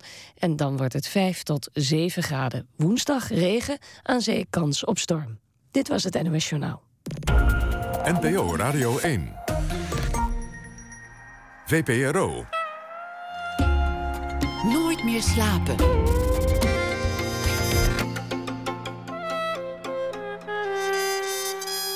Met Pieter van der Wielen. U luistert naar Nooit meer slapen. Thomas Heerma van Vos is eh, schrijver en zal deze week elke dag een verhaal schrijven over de afgelopen dag. Hij eh, studeerde Engels in Londen en Nederlands in Amsterdam. Schreef eh, twee romans, De Allestafel en Stern... en een verhalenbundel De Derde Persoon. Goedenacht, Thomas. Goedenacht. Vertel eens, de afgelopen dag. Het was denk ik toch wel een beetje de dag van de Griekse verkiezingen en de nasleep daarvan en de uitslag, uh, et cetera? Of had jij een ander beeld van de dag? Uh, nou, dat was gisteravond, zag ik dat min of meer toevallig, want ik volg het nieuws niet altijd op de voet. Zag ik dat al en kwam dat al door en werd dat meteen al geanalyseerd. En vandaag, inderdaad, de paar kranten die ik zag, die ik bekeek, stond dat er vol mee. Op televisie zag ik het ook. Maar ik moet zeggen dat dat mij in mijn hoofd niet heel acuut bezig hield. Het is ook niet een enorme verrassing, natuurlijk. Nee, maar dat, dat hoor ik ook van iedereen. En dat, dat kan ik dan wel zeggen. Maar dan praat ik wel gewoon anderen na. Maar misschien is dat ook wat veel van de nieuwsduiding is. Anderen uh, napraten? Ja, misschien ja, ook wel. min of meer. Want ik heb daar natuurlijk geen echt verstand van. Maar um, er werd gezegd dat het geen verrassing is. Wat was uh, de afgelopen dag uh, voor jou? Wat heeft jou bezig gehouden en waar heb je je verhaal over gemaakt? Het, is een, uh, het was een vrij rustige maandag, maar ik zag vanochtend bij het, uh, bij het wakker worden... toen ik de nieuwsberichten doorlas, zag ik onder meer het bericht dat er in, in Amsterdam... het is een klein bericht, maar wat mij meteen wel erg aansprak of fascineerde... dat er in Amsterdam een tram, een tram heeft rondgereden afgelopen vrijdag met een dode passagier erin. En dat uh, zonder dat de medepassagiers of de conducteur het echt door hadden...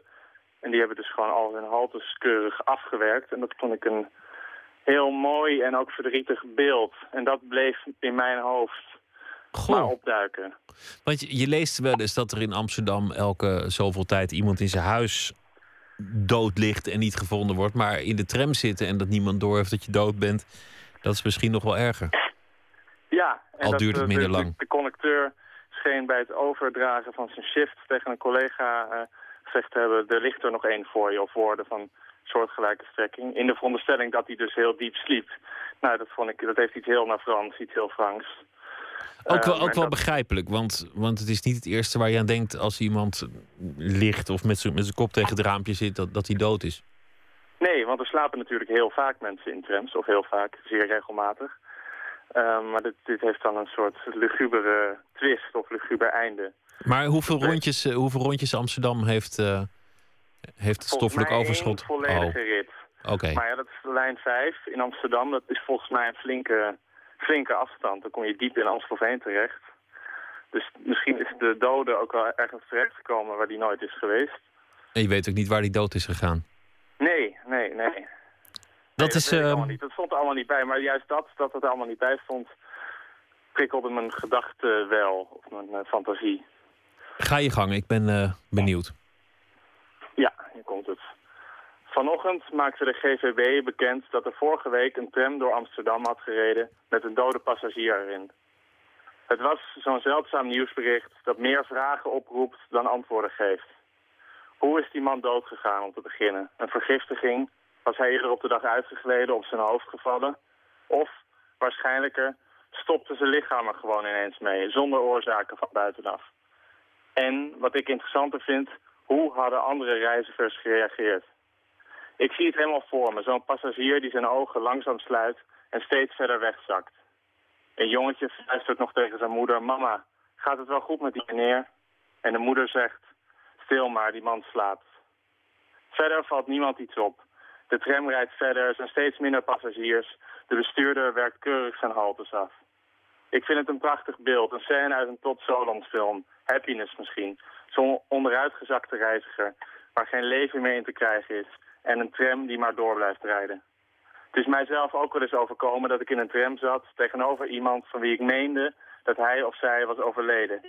Ik fantaseerde er ook wel eens over dat ik het bij thuiskomst meteen aan anderen zou vertellen. Weet je wat ik vandaag heb meegemaakt? Ik zat een half uur tegenover iemand die dood was. Ik was alleen met een lijk. En altijd was er weer die vreemde golf van teleurstelling als degene tegenover me in de tram vervolgens gewoon zijn ogen opende en er niets aan de hand bleek. Zelf lijkt het me te zijner tijd wel een mooie dood. In een rijdende tram zonder dat iemand het door heeft. Nog liever zou ik in een trein zitten. Een hoge snelheidstrein met een onbekende bestemming. Niemand die het merkt terwijl je voor het laatst je ogen sluit. En het laatste wat je voelt is het zachte geschut van de treincoupé. Het spoor dat steeds sneller onder je wegtrekt. Andere passagiers vertrekken. Mensen houden hun schouders op. Niemand weet waar je heen gaat. Dat je überhaupt ergens heen gaat. En de trein rijdt onverschillig verder. Ook als jij het allang niet meer meekrijgt. Het maakt feitelijk natuurlijk ook niet uit waar je sterft als je er maar niet te veel van merkt, toch? Ik bedoel, als je dood bent, ben je dood. Ja, maar het, ik, ik, ik, ik, dat, dat klopt. En je merkt er inderdaad niets van. Maar als je, als je een trein, als ik bijvoorbeeld een trein diep in uh, Rusland zou merken, zou ik het wel mooi vinden als ik dan uiteindelijk dood word aangetroffen in een uithoek van Rusland. Dat men bijvoorbeeld ook niet helemaal weet waar je dan met overleden. Dat, dat, vind ik, uh, dat, dat vind ik glorieuzer dan wat jij net ook noemde dan stilletjes onopgemerkt in, een, in je huis, in een appartement. Ik vind dat nog wel iets, uh, iets groots hebben, dat je wel nog wordt vervoerd. Ja, maar als je groots en meeslepend wil sterven, wat het ook is, is lijn 5 natuurlijk ook geen geweldige score. Nee, nee, nee, nee, zeker niet. Nee, dat is waar. Nou, dank Thomas Heerma van Vos. En uh, morgen graag uh, weer een verhaal. Tot morgen. Dank je wel. Soak, de artiestennaam van uh, Bridie Mons Watson, nog maar 18 jaar oud. Ierse singer-songwriter, maakt internationaal indruk. Ook in Nederland. Onlangs uh, speelde ze op Noorderslag en, en in Nijmegen. Ze heeft een nieuwe single met de titel, titel Sea Creatures.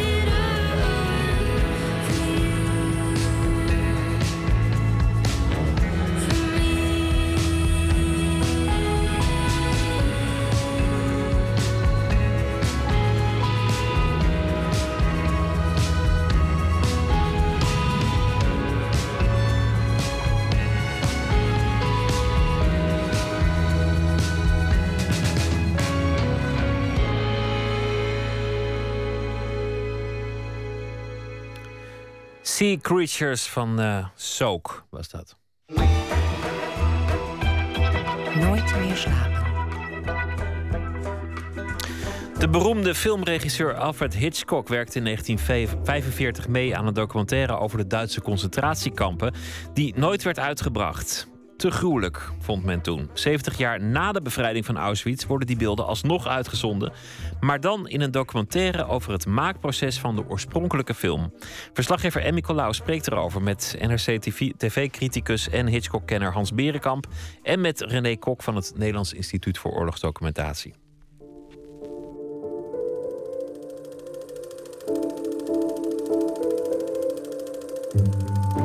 It was pain to look at it, pain that this could happen to people.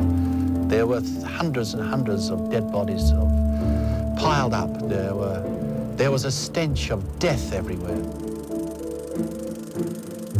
Een cameraman vertelt wat hij zag vlak na de bevrijding van concentratiekamp Bergen-Belsen in april 1945. Na de beelden die hij en zijn collega's, speciaal opgeleide soldaten, filmden, is nauwelijks te kijken. Wie het wel aandurft, zal ze nog lang op zijn netvlies zien nabranden. De uitgemergelde lijken die als afval verspreid liggen tussen barakken. De ontredderde mensen die ertussen scharrelen. En de SS'ers die met minachting in de ogen de lichamen, die al bijna skeletten zijn, naar massagraven slepen en ze er als afgedankte dummies ingooien. Natuurlijk, we kennen allemaal beelden uit concentratiekampen. Maar zo heftig en intens als in deze film, zo goed gemaakt en gemonteerd ook, is zelden eerder vertoond. Dead.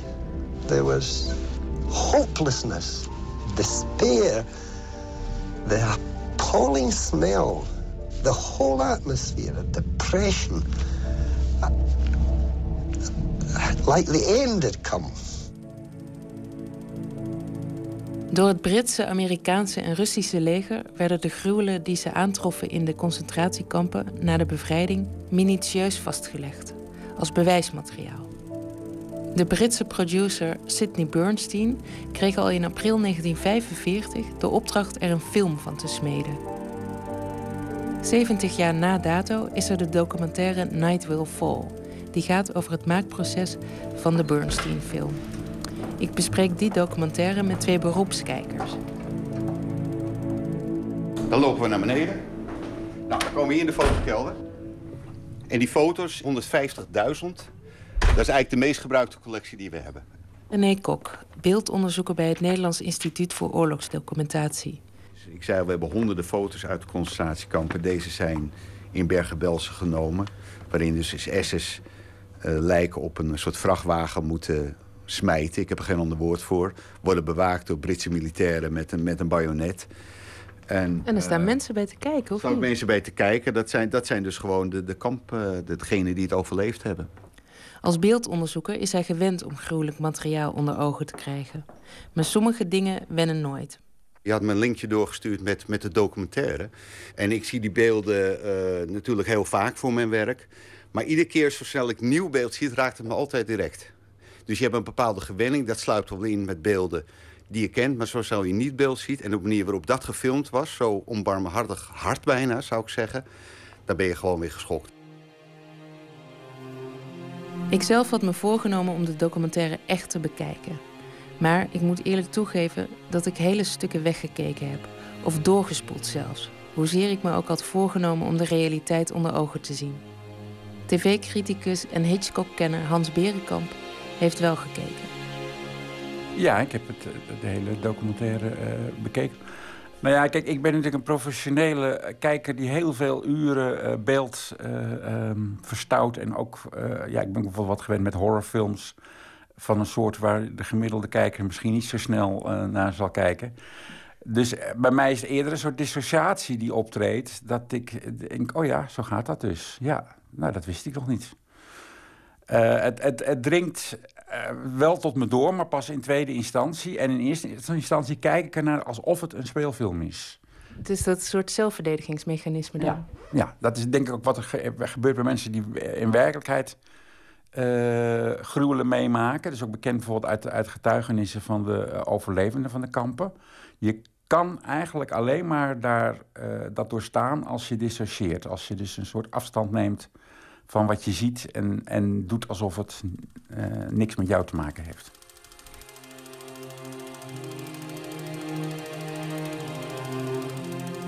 I thought as time went by, it might leave me. I wanted to forget. Um, but it never does leave you. We were sent, uh, um, and then we drove. Excuse me. Sorry about this. Too painful.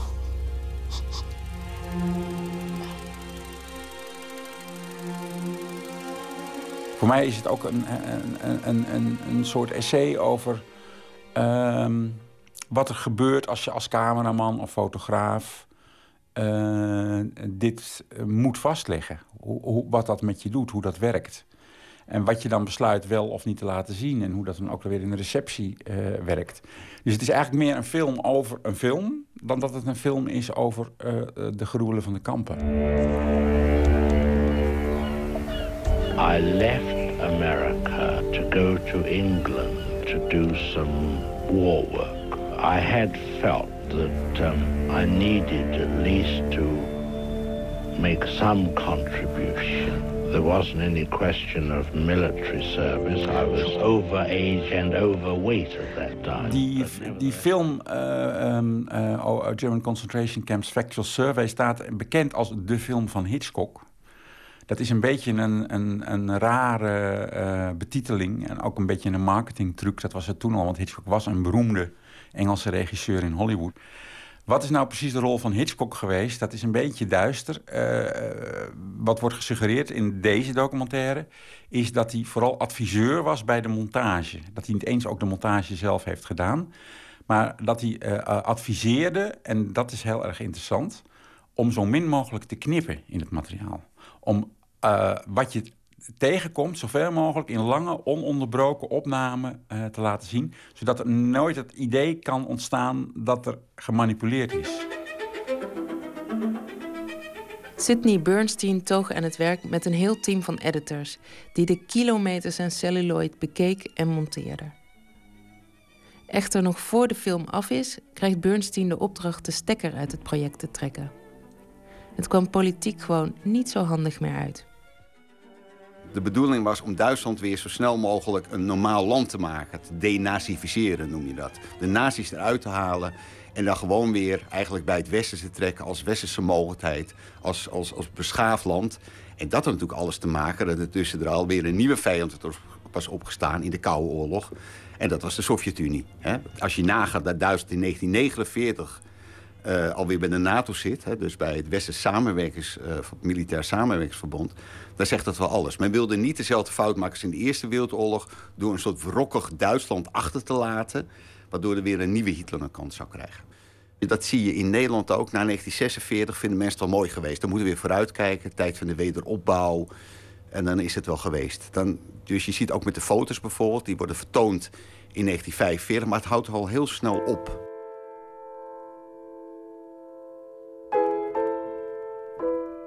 is tragisch dat iets wat bedoeld is om de wereld wakker te schudden... dat dat dan in een archiefkast belandt omdat het te erg is om naar te kijken. Beelden uit de film werden uiteindelijk nog wel getoond bij de processen in Nuremberg, maar voor de rest verdween het materiaal in de archieven. Het dilemma van tonen of niet tonen bleef echter tot de dag van vandaag bestaan. Ik denk dat dat, dat veel, mm, veel belangrijker dan die politieke overweging was... dat het gewoon niet om aan te zien was. En nog steeds uh, is dat gewoon het probleem. Hè? Dat als er ook nu in, met journaalbeelden, als er iets echt ergs gebeurt... en er is beeld van, dan is er al meteen een onmiddellijke discussie... van waarom moeten we dat zien? Nu weer onlangs met, met de uh, gebeurtenissen in Parijs die executie van die uh, politieman op straat... Uh, ja, daar is uiteindelijk toch bijna alle media hebben ervoor gekozen... om het moment suprem van het schot niet te laten zien. Omdat het eigenlijk, dat is te erg. En dan, dan gaan er alle luiken dicht, dan, dan, dan dringt het ook niet meer door. Ik vind altijd, laat ik daar duidelijk zeggen, dat die foto's getoond moeten worden. En daar is nog steeds discussie over. Wij krijgen hier heel veel verzoeken. Pas weer, er wordt dan een project gemaakt en die willen dan foto's hebben of die willen filmbeelden hebben. En dan zeggen dan gaan we de ergste beelden gaan we eruit snijden. Of, uh, dat zegt het NIOD? Nee, dat, dat zegt degene die het materiaal wil gebruiken. En daar maak ik altijd bezwaar tegen, want ik vind dat ze getoond moeten worden. Hadden het vroeger heel vaak voor schoolboekjes. Hè? Uh, kreeg je een briefje, heeft die foto's van concentratiekampen niet te erg. En daar maakte ik altijd bezwaar weer tegen. Maar ik ben het er wel mee eens. Als je, als je naar Berlijn gaat, daar heb je heel veel uh, musea die houden zich bezig met de holocaust. En dan kom je binnen en dan word je geconfronteerd met direct al, voordat je de tentoonstelling ingaat, met, met tien levensgrote foto's die zo afschuwelijk zijn. En dan moet je nog de tentoonstelling beginnen. Maar je, je slaat bijna helemaal dicht. Dus ik vind altijd, je moet het, het, verhaal vertellen van de holocaust. Dan moet je het hele verhaal vertellen, zodat ook de invoering van de jodenster nog steeds afschuwelijk is. En dan moet je eigenlijk afsluiten met, met een paar foto's. Twee of drie, dat is genoeg.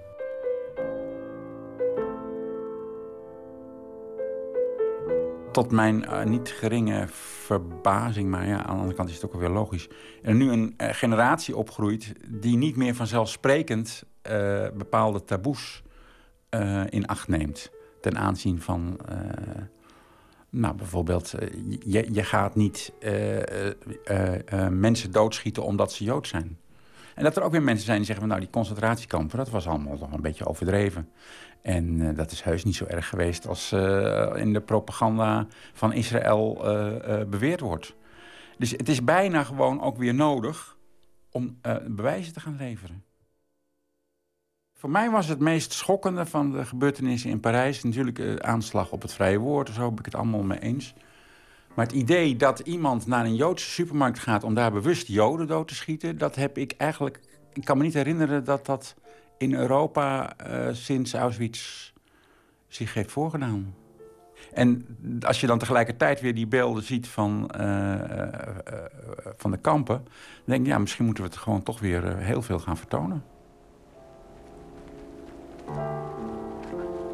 Unless the world learns the lesson these pictures teach.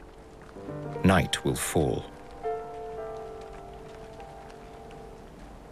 But by God's grace, we who live will learn.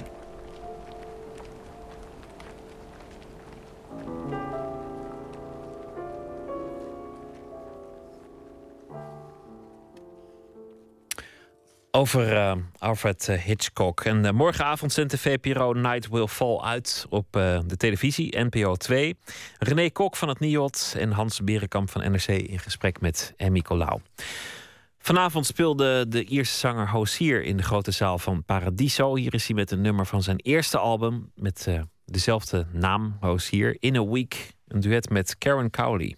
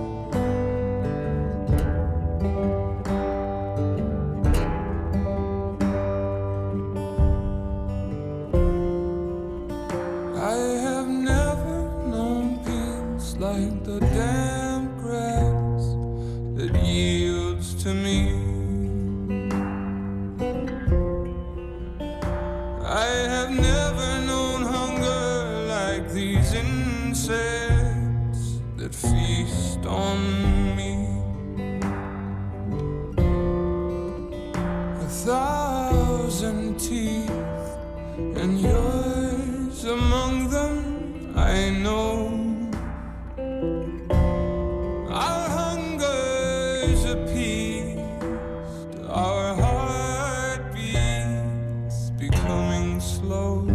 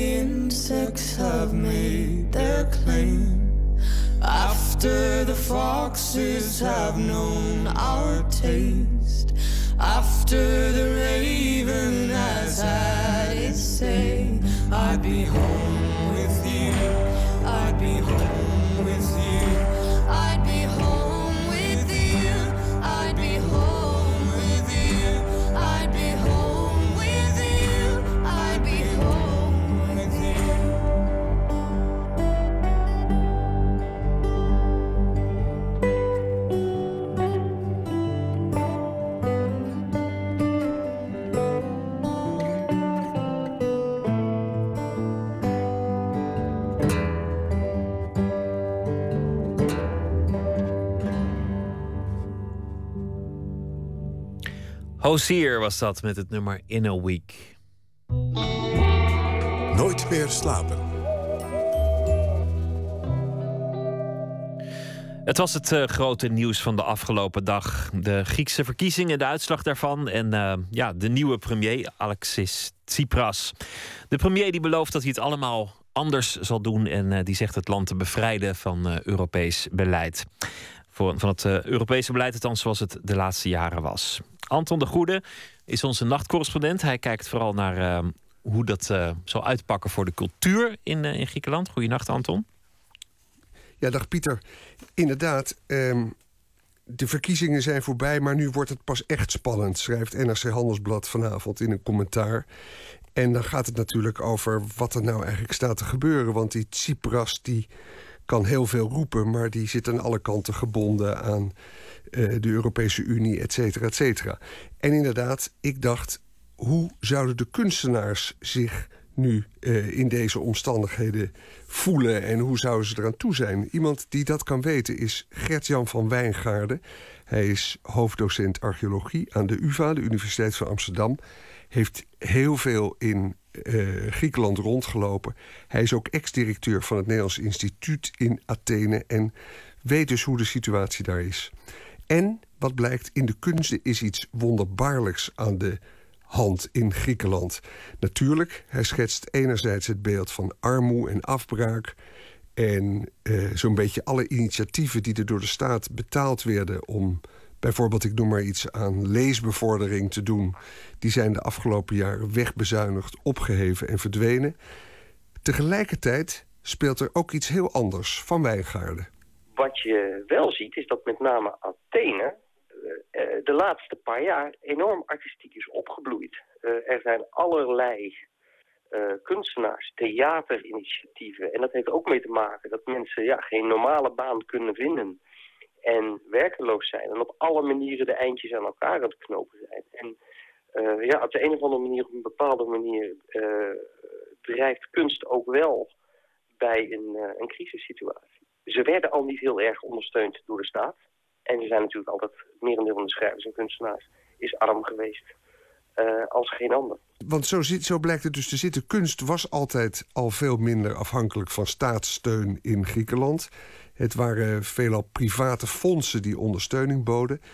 Eh, moet je denken aan fondsen die aan reders hingen, zoals het Onassis-fonds. Dat eigenlijk in Liechtenstein is gevestigd. Athene heeft heel veel privémusea met geweldige collecties die wereldvermaard zijn. En die zijn die crisis wel een beetje doorgekomen. Van Wijngaarden is overigens niet de enige die roept dat de kunst in Griekenland paradoxaal genoeg enorm aan het opkomen is. Athene is een beetje zoals Berlijn, stond vorige week in een groot stuk in de Volkskrant. Maar het is natuurlijk beschrijf- ook zo dat eh, buitenlandse kunstenaars, buitenlandse groepen, eh, theatergezelschappen, noem maar op, die komen er niet meer, omdat er geen geld is. Dus in die zin is de concurrentie ook voor een deel weggevallen. Dat, dat helpt de, de Griekse kunstenaar natuurlijk ook. Dat helpt misschien de Griekse kunstenaar ook. Maar aan de andere kant, eh, het is met Athene op dit moment, als je de, de stemmen mag geloven, een beetje zoals Berlijn. Waar mensen juist ook uit andere steden naartoe komen, zelfs om eh, te proeven wat voor een sfeer er is en wat er aan de hand is. Eh, er is een theater Faust geheten, twee jaar geleden geopend, zit iedere avond vol. Eh, bij andere Atheense theaters is dat niet anders.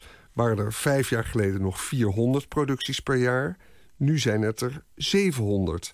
En de huren zijn ook laag. Hè? Je moet inderdaad denken aan Berlijn een paar jaar geleden. Toen iedereen daar naartoe ging. Ehm, en wat Van Wijngaarden ook nog benadrukte... de, de crisis in Griekenland... die zijn eigenlijk in het verleden ook aan de orde van de dag geweest... Ehm, eh, vergeet niet dat bijvoorbeeld de muziekstroming van de Rebetica eh, ontstaan is. eh, Dat is de Griekse blues met die prachtige muziek. Aan het eind van de 20e eeuw een opleving had in de jaren 20, 30. We hadden, vandaag hadden we het ook over Demis Roussos. Als je de, de geschiedenis van Demis Roussos, de zanger die dit weekend is overleden, als je die bekijkt. Hij werd geboren in Egypte als zoon van Griekse ouders die alles verloren na de Suezcrisis in 1956 en daarop naar Griekenland terugkeerden. Nog even laten horen wat Van Wijngaarden daarover zegt. Griekenland heeft natuurlijk een hele curieuze eh, geschiedenis. En ook in de jaren 50 komen er grote groepen mensen uit Alexandrië en uit eh, Istanbul. Die worden daar min of meer uitgezet. En dat zijn mensen die op een hele gekke manier in de Griekse cultuur staan. En, en ja, die bijvoorbeeld een belangrijke rol speelt in de, in, de Griekse film en, en, en, en dergelijke. En inderdaad iemand als Demis Roussos of uh, anderen. Die, in die, dat is die periode van de jaren 70 waarin het ook uh, migranten, kinderen van migranten, die volwassen worden en in redelijk grote armoede in een, uh, in een crisissituatie terechtkomen. Maar uh, hiermee lijkt het alsof ik zou pleiten voor crisis om, om de kunsten te laten bloeien. Dat is natuurlijk zeker niet, uh, niet zo.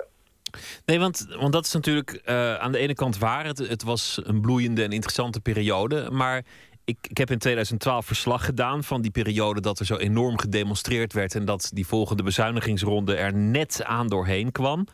En het, het was echt door een narigheid hoor in Griekenland. En ik heb me wel eens afgevraagd ja. of die Europese leiders wel genoeg gekeken hebben naar wat, wat het betekende op de grond en, en voor, voor de gewone Grieken. En of ze daar niet een beetje uh, aan voorbij zijn gewalst. Want dit kwam voor mij echt niet als een verrassing. En voor iedereen die daar de laatste vijf jaar is geweest, kwam dit absoluut niet als een verrassing.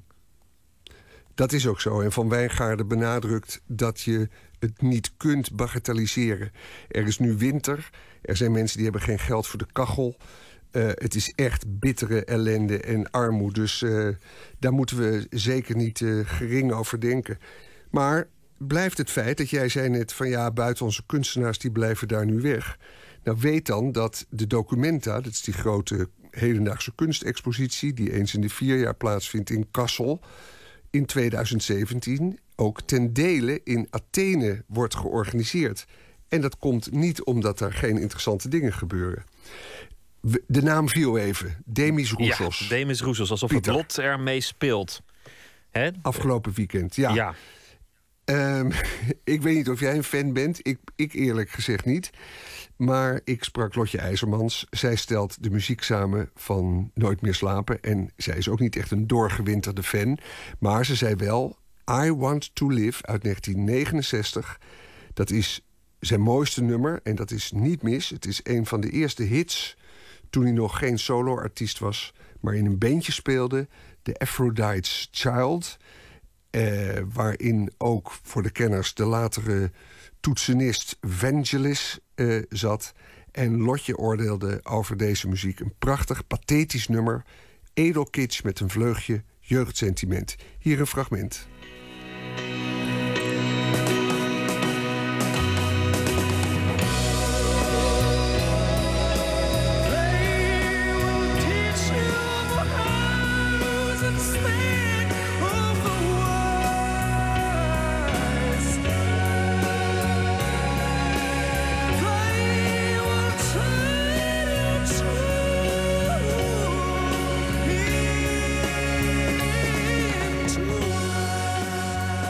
Anton, dat is toch mooi?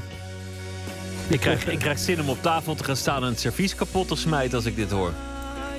Nou, en zo krijg je eigenlijk ook zin om weer eens een keer naar Griekenland te gaan. Als je erover leest en als je erin verdiept. En zou je inderdaad wensen dat er schulden worden kwijtgescholden. Dat het land de kans krijgt om weer op te krabbelen, toch?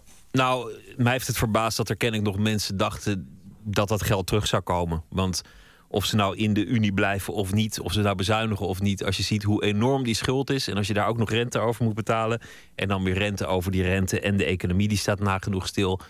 Ik snap werkelijk niet dat er nog mensen waren die dachten dat het geld terug zou komen. Ik had het al uh, jaren geleden afgeschreven. Nee, en erg spannend wat er nu gebeurt. Die Tsipras die heeft gesproken van de verkiezingen van de hoop. Uh, maar NRC Handelsblad die schrijft vanavond... je zou misschien toch eigenlijk beter kunnen spreken van de verkiezingen van de wanhoop. Want wat moeten ze nou met die schuldenlast? En uh, ja, wat gaat er gebeuren? Iedereen ja. houdt toch zijn hart vast. Het is, uh, de wanhoop is inderdaad uh, groot. Mijn oude moeder zei vroeger altijd: als je geld niet kan missen, moet je het niet uitlenen. En dat is ook de beste houding. Er zijn ook mensen van wie ik nog geld krijg. En dan denk ik op een gegeven moment ook van: ach, nou ja, weet je dat geld komt toch niet meer terug. Ik hou erop, uh, hou op erover te zeuren. En uh, volgens mij moet ja. je dingen soms loslaten, want dit werkt linksom of rechtsom. Het werkt voor geen meter. Dankjewel, Anton. Sparkle Horse, een Amerikaanse zanger die in 2010 een eind maakte aan zijn eigen leven, schreef uh, over een sloot vol met geesten, luguber, maar ook liefelijk. Hier is hij uit 1995, Spirit Ditch.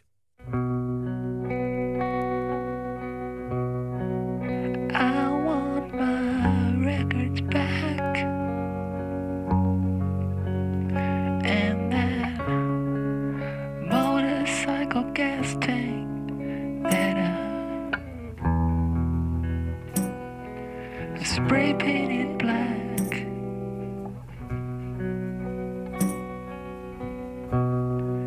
The owls have been talking to me.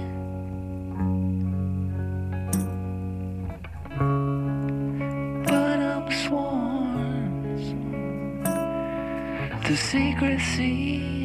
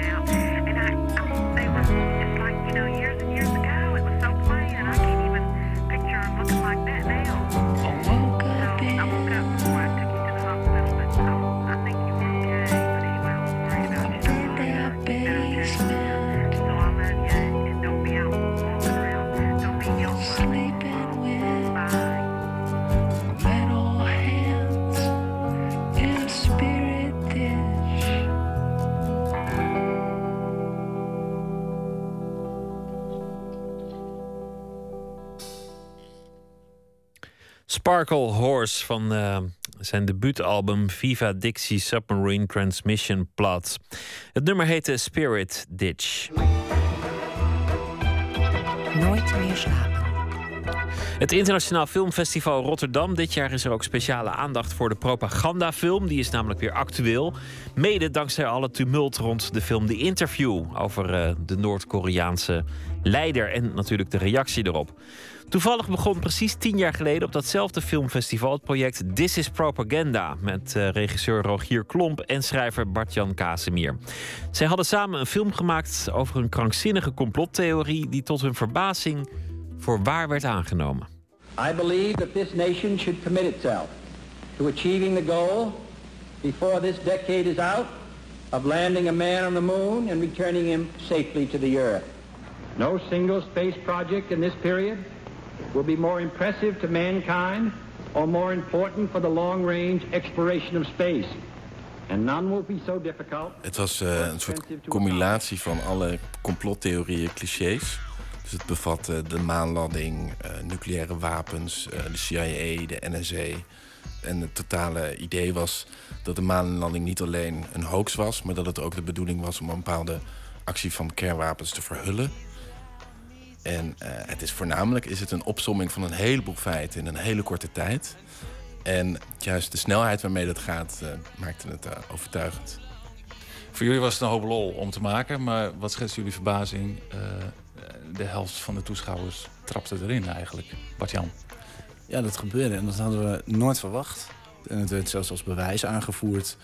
Dus het feit dat je, dat je zoiets kunt bedenken en je daar mensen mee kunt overtuigen met totale nonsens, dat, dat levert wel een hele machtige positie op.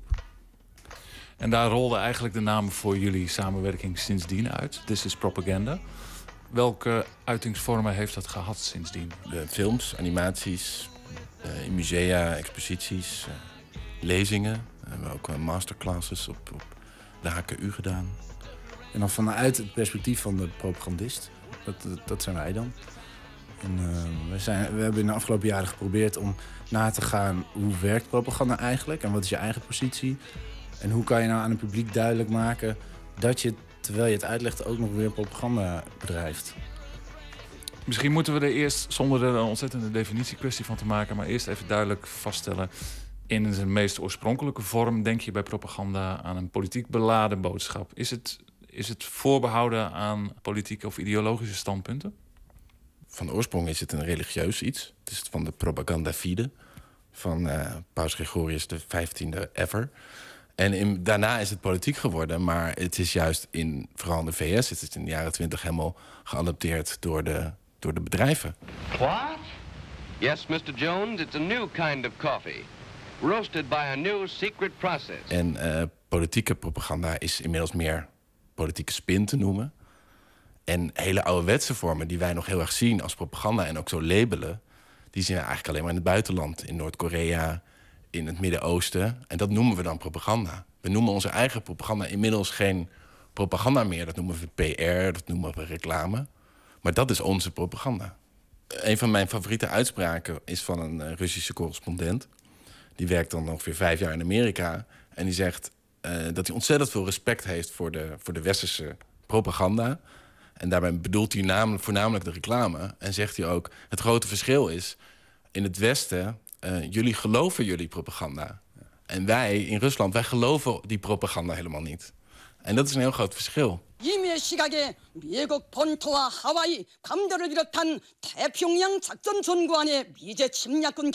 Ik denk dat wij trouwens wat betreft Noord-Korea en, Rusland en de IS en zo dat we hun kracht behoorlijk onderschatten.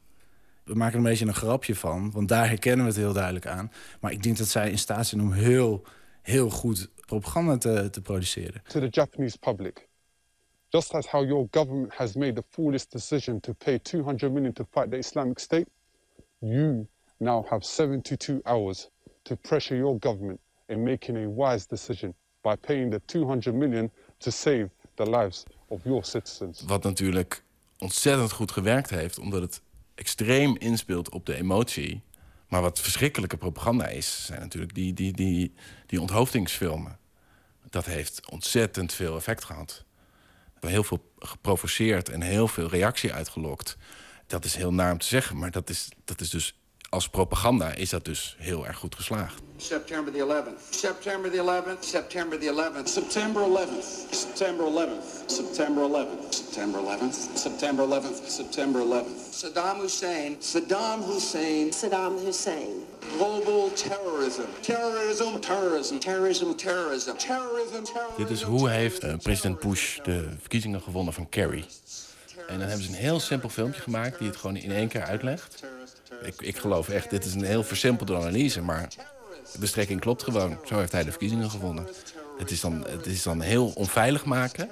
En Je, je ziet ook, geloof ik, in de geschiedenis ook dat elke, elke president die een oorlog heeft beëindigd en daarna opnieuw verkiezingen had, verloor.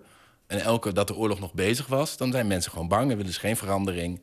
En dan win je weer de verkiezingen. En dan moet je dus, dus heel vaak gewoon melden dat het reden is om bang te zijn. Maar het komt denk ik ook omdat de ontwikkeling nu in het Midden-Oosten is ook een geschenk uit de hemel voor, voor dit type politici. Want wat ze hier de hele tijd geroepen hebben, ja, dat ontstaat bijna. En, eh, en soms denk ik ook wel dat propaganda zelf ook een nieuwe realiteit eh, schept. Dus dat als je het maar heel vaak blijft benoemen, misschien dat dan in de werkelijkheid ook daadwerkelijk gaat eh, ontstaan, zo'n zo'n type vijand als zij. eh, dit is het. Een ander interessant voorbeeld is misschien... Ehm, we hebben het, Oekraïnse het Oekraïense voorbeeld natuurlijk. Eh, van die, eh, die man die die teddybeer ophoudt. Wat heen en weer ging in hoe dat bedoeld was. Ehm, bij ons juist werd het gebruikt als een soort propaganda tegen hun. Van kijk, wat een ontzettende eh, sadistische figuren. En nou, dan later kwam die video vrij waarin hij leek dat hij heel erg te doen had met die, dat, het, dat die slachtoffers waren en heel, veel, heel respectvol ermee omging. En dan later kwam daar weer een theorie overheen van ja, er zaten zoveel cameramensen bij en er zaten zoveel fotografen op. En hij deed dat precies voor de camera. Dus dan is, is zijn bedoeling van ik wil dit soort propaganda maken, heeft zich helemaal omgedraaid tegen hem. Omdat wij een hele andere eh, beeldtaal hebben. En wij zien gewoon mannen met eh bivakmutsen, met camouflagepakken aan. En, en, en we denken gelijk van wat, wat een schurken, wat een terroristen. En daarna zien we pas die teddybeer. Ik bedoel, eh, dat is voor hun een heel ander beeld. Voor hun is, is, is, is, dat, is dat veel normaler om dat te zien. Zij zullen eerst die teddybeer zien en dan pas de rest. Ja, hij houdt hem ook nog om zijn keel vast. Wij zijn zelf ook ontzettend gewend om de hele tijd naar mensen te kijken op televisie die mediatraining hebben gehad. Die bijvoorbeeld te horen krijgen van iemand, nou, die, die knuffel moet je niet bij zijn nek vastpakken. Dat, dat, dat wordt constant, wordt dat ingefluisterd, wordt dat verteld. En wij zijn gewend om daarnaar te kijken. Dat klopt dan ook allemaal. En dat is in, eh, in, eh, bij hun is dat natuurlijk weer heel anders. Ze hebben geen budget voor, eh, die souffleur.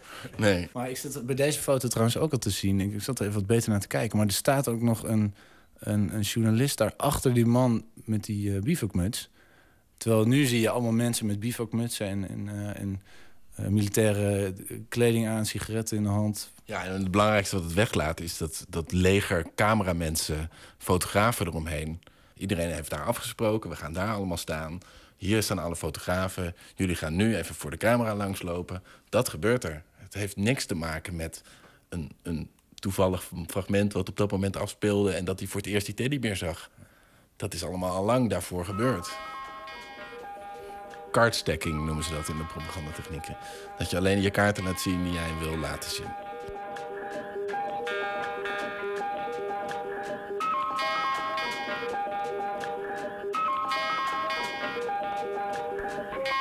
Is de hernieuwde aandacht nu voor propaganda als fenomeen... is die verklaarbaar voor jullie?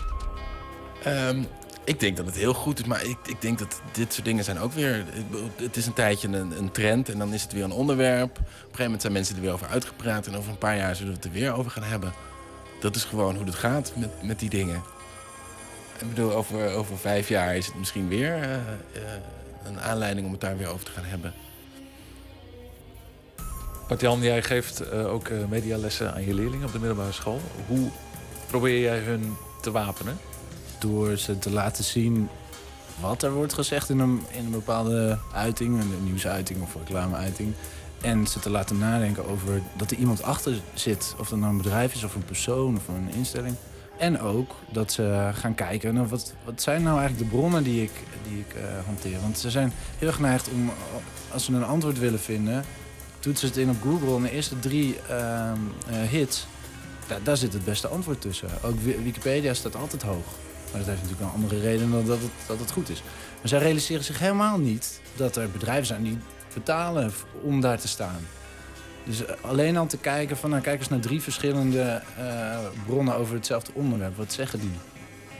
We hebben ook wel eens presentaties gehouden, op school. En dan uh, lieten, li weet je wel, toen we, toen we dan gingen uitleggen dat het een mockumentary was en hoe het was. En dat mensen erin waren getrapt en dat gevoel hebben van, oh, ik geloofde dat echt. Dan heb je iemand echt even bereikt. Uiteindelijk is dat ook het leukste om te doen natuurlijk, mensen een beetje voor de gek houden. Dat is, dat is het wel. Dat is, dat is hoe wij onze propaganda maken. En is daar, daarbij bewust uh, laten zijn van dat het bestaat. Als mensen gewoon even voelen dat ze voor, de gek zijn gehouden. Uh, dat, dat werkt het allerbeste. Wij zitten hier nou tegenover jou als twee uh, deskundigen op het gebied van propaganda. Ja, wie zegt dat wij dat zijn? Heb je goed onderzoek gedaan? Ja, jullie waren de, de tweede Google-hit. Nou, zie je, hebben we voor betaald.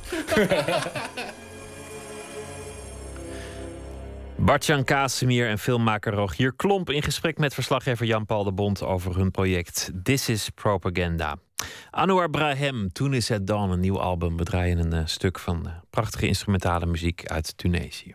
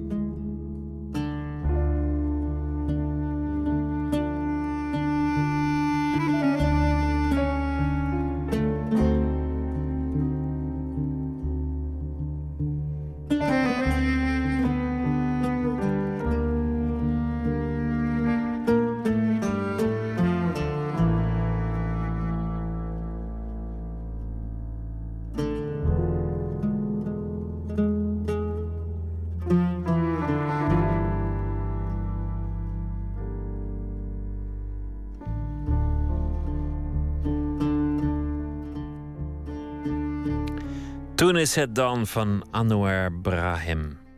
Ingmar Heitse is eh, dichter en deze week leest hij eh, elke nacht een van zijn favoriete gedichten voor. Hij schrijft al zijn hele leven lang gedichten over eh, de grote vragen des levens, over de problemen in de wereld, over de liefde en over andere dingen. Deze week verschijnt een nieuwe bundel van Heitse, De man die ophield te bestaan, met gedichten over zijn ervaringen als vader. Hij sluit af met het gedicht Dagen van Philip Larkin.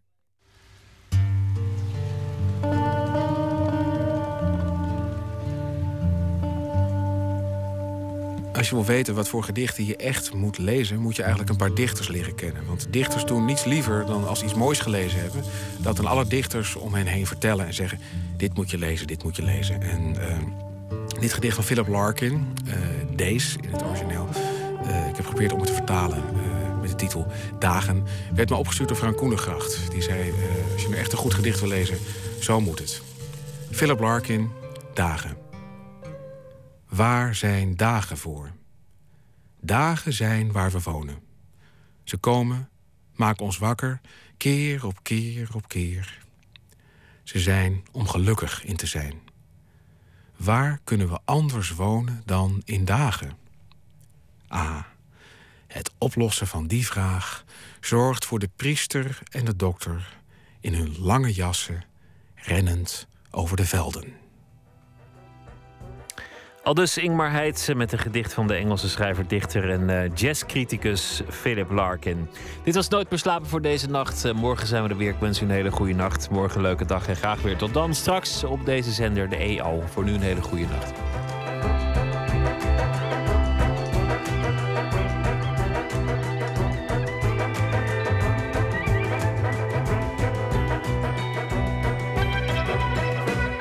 Op Radio 1, het nieuws van alle kanten.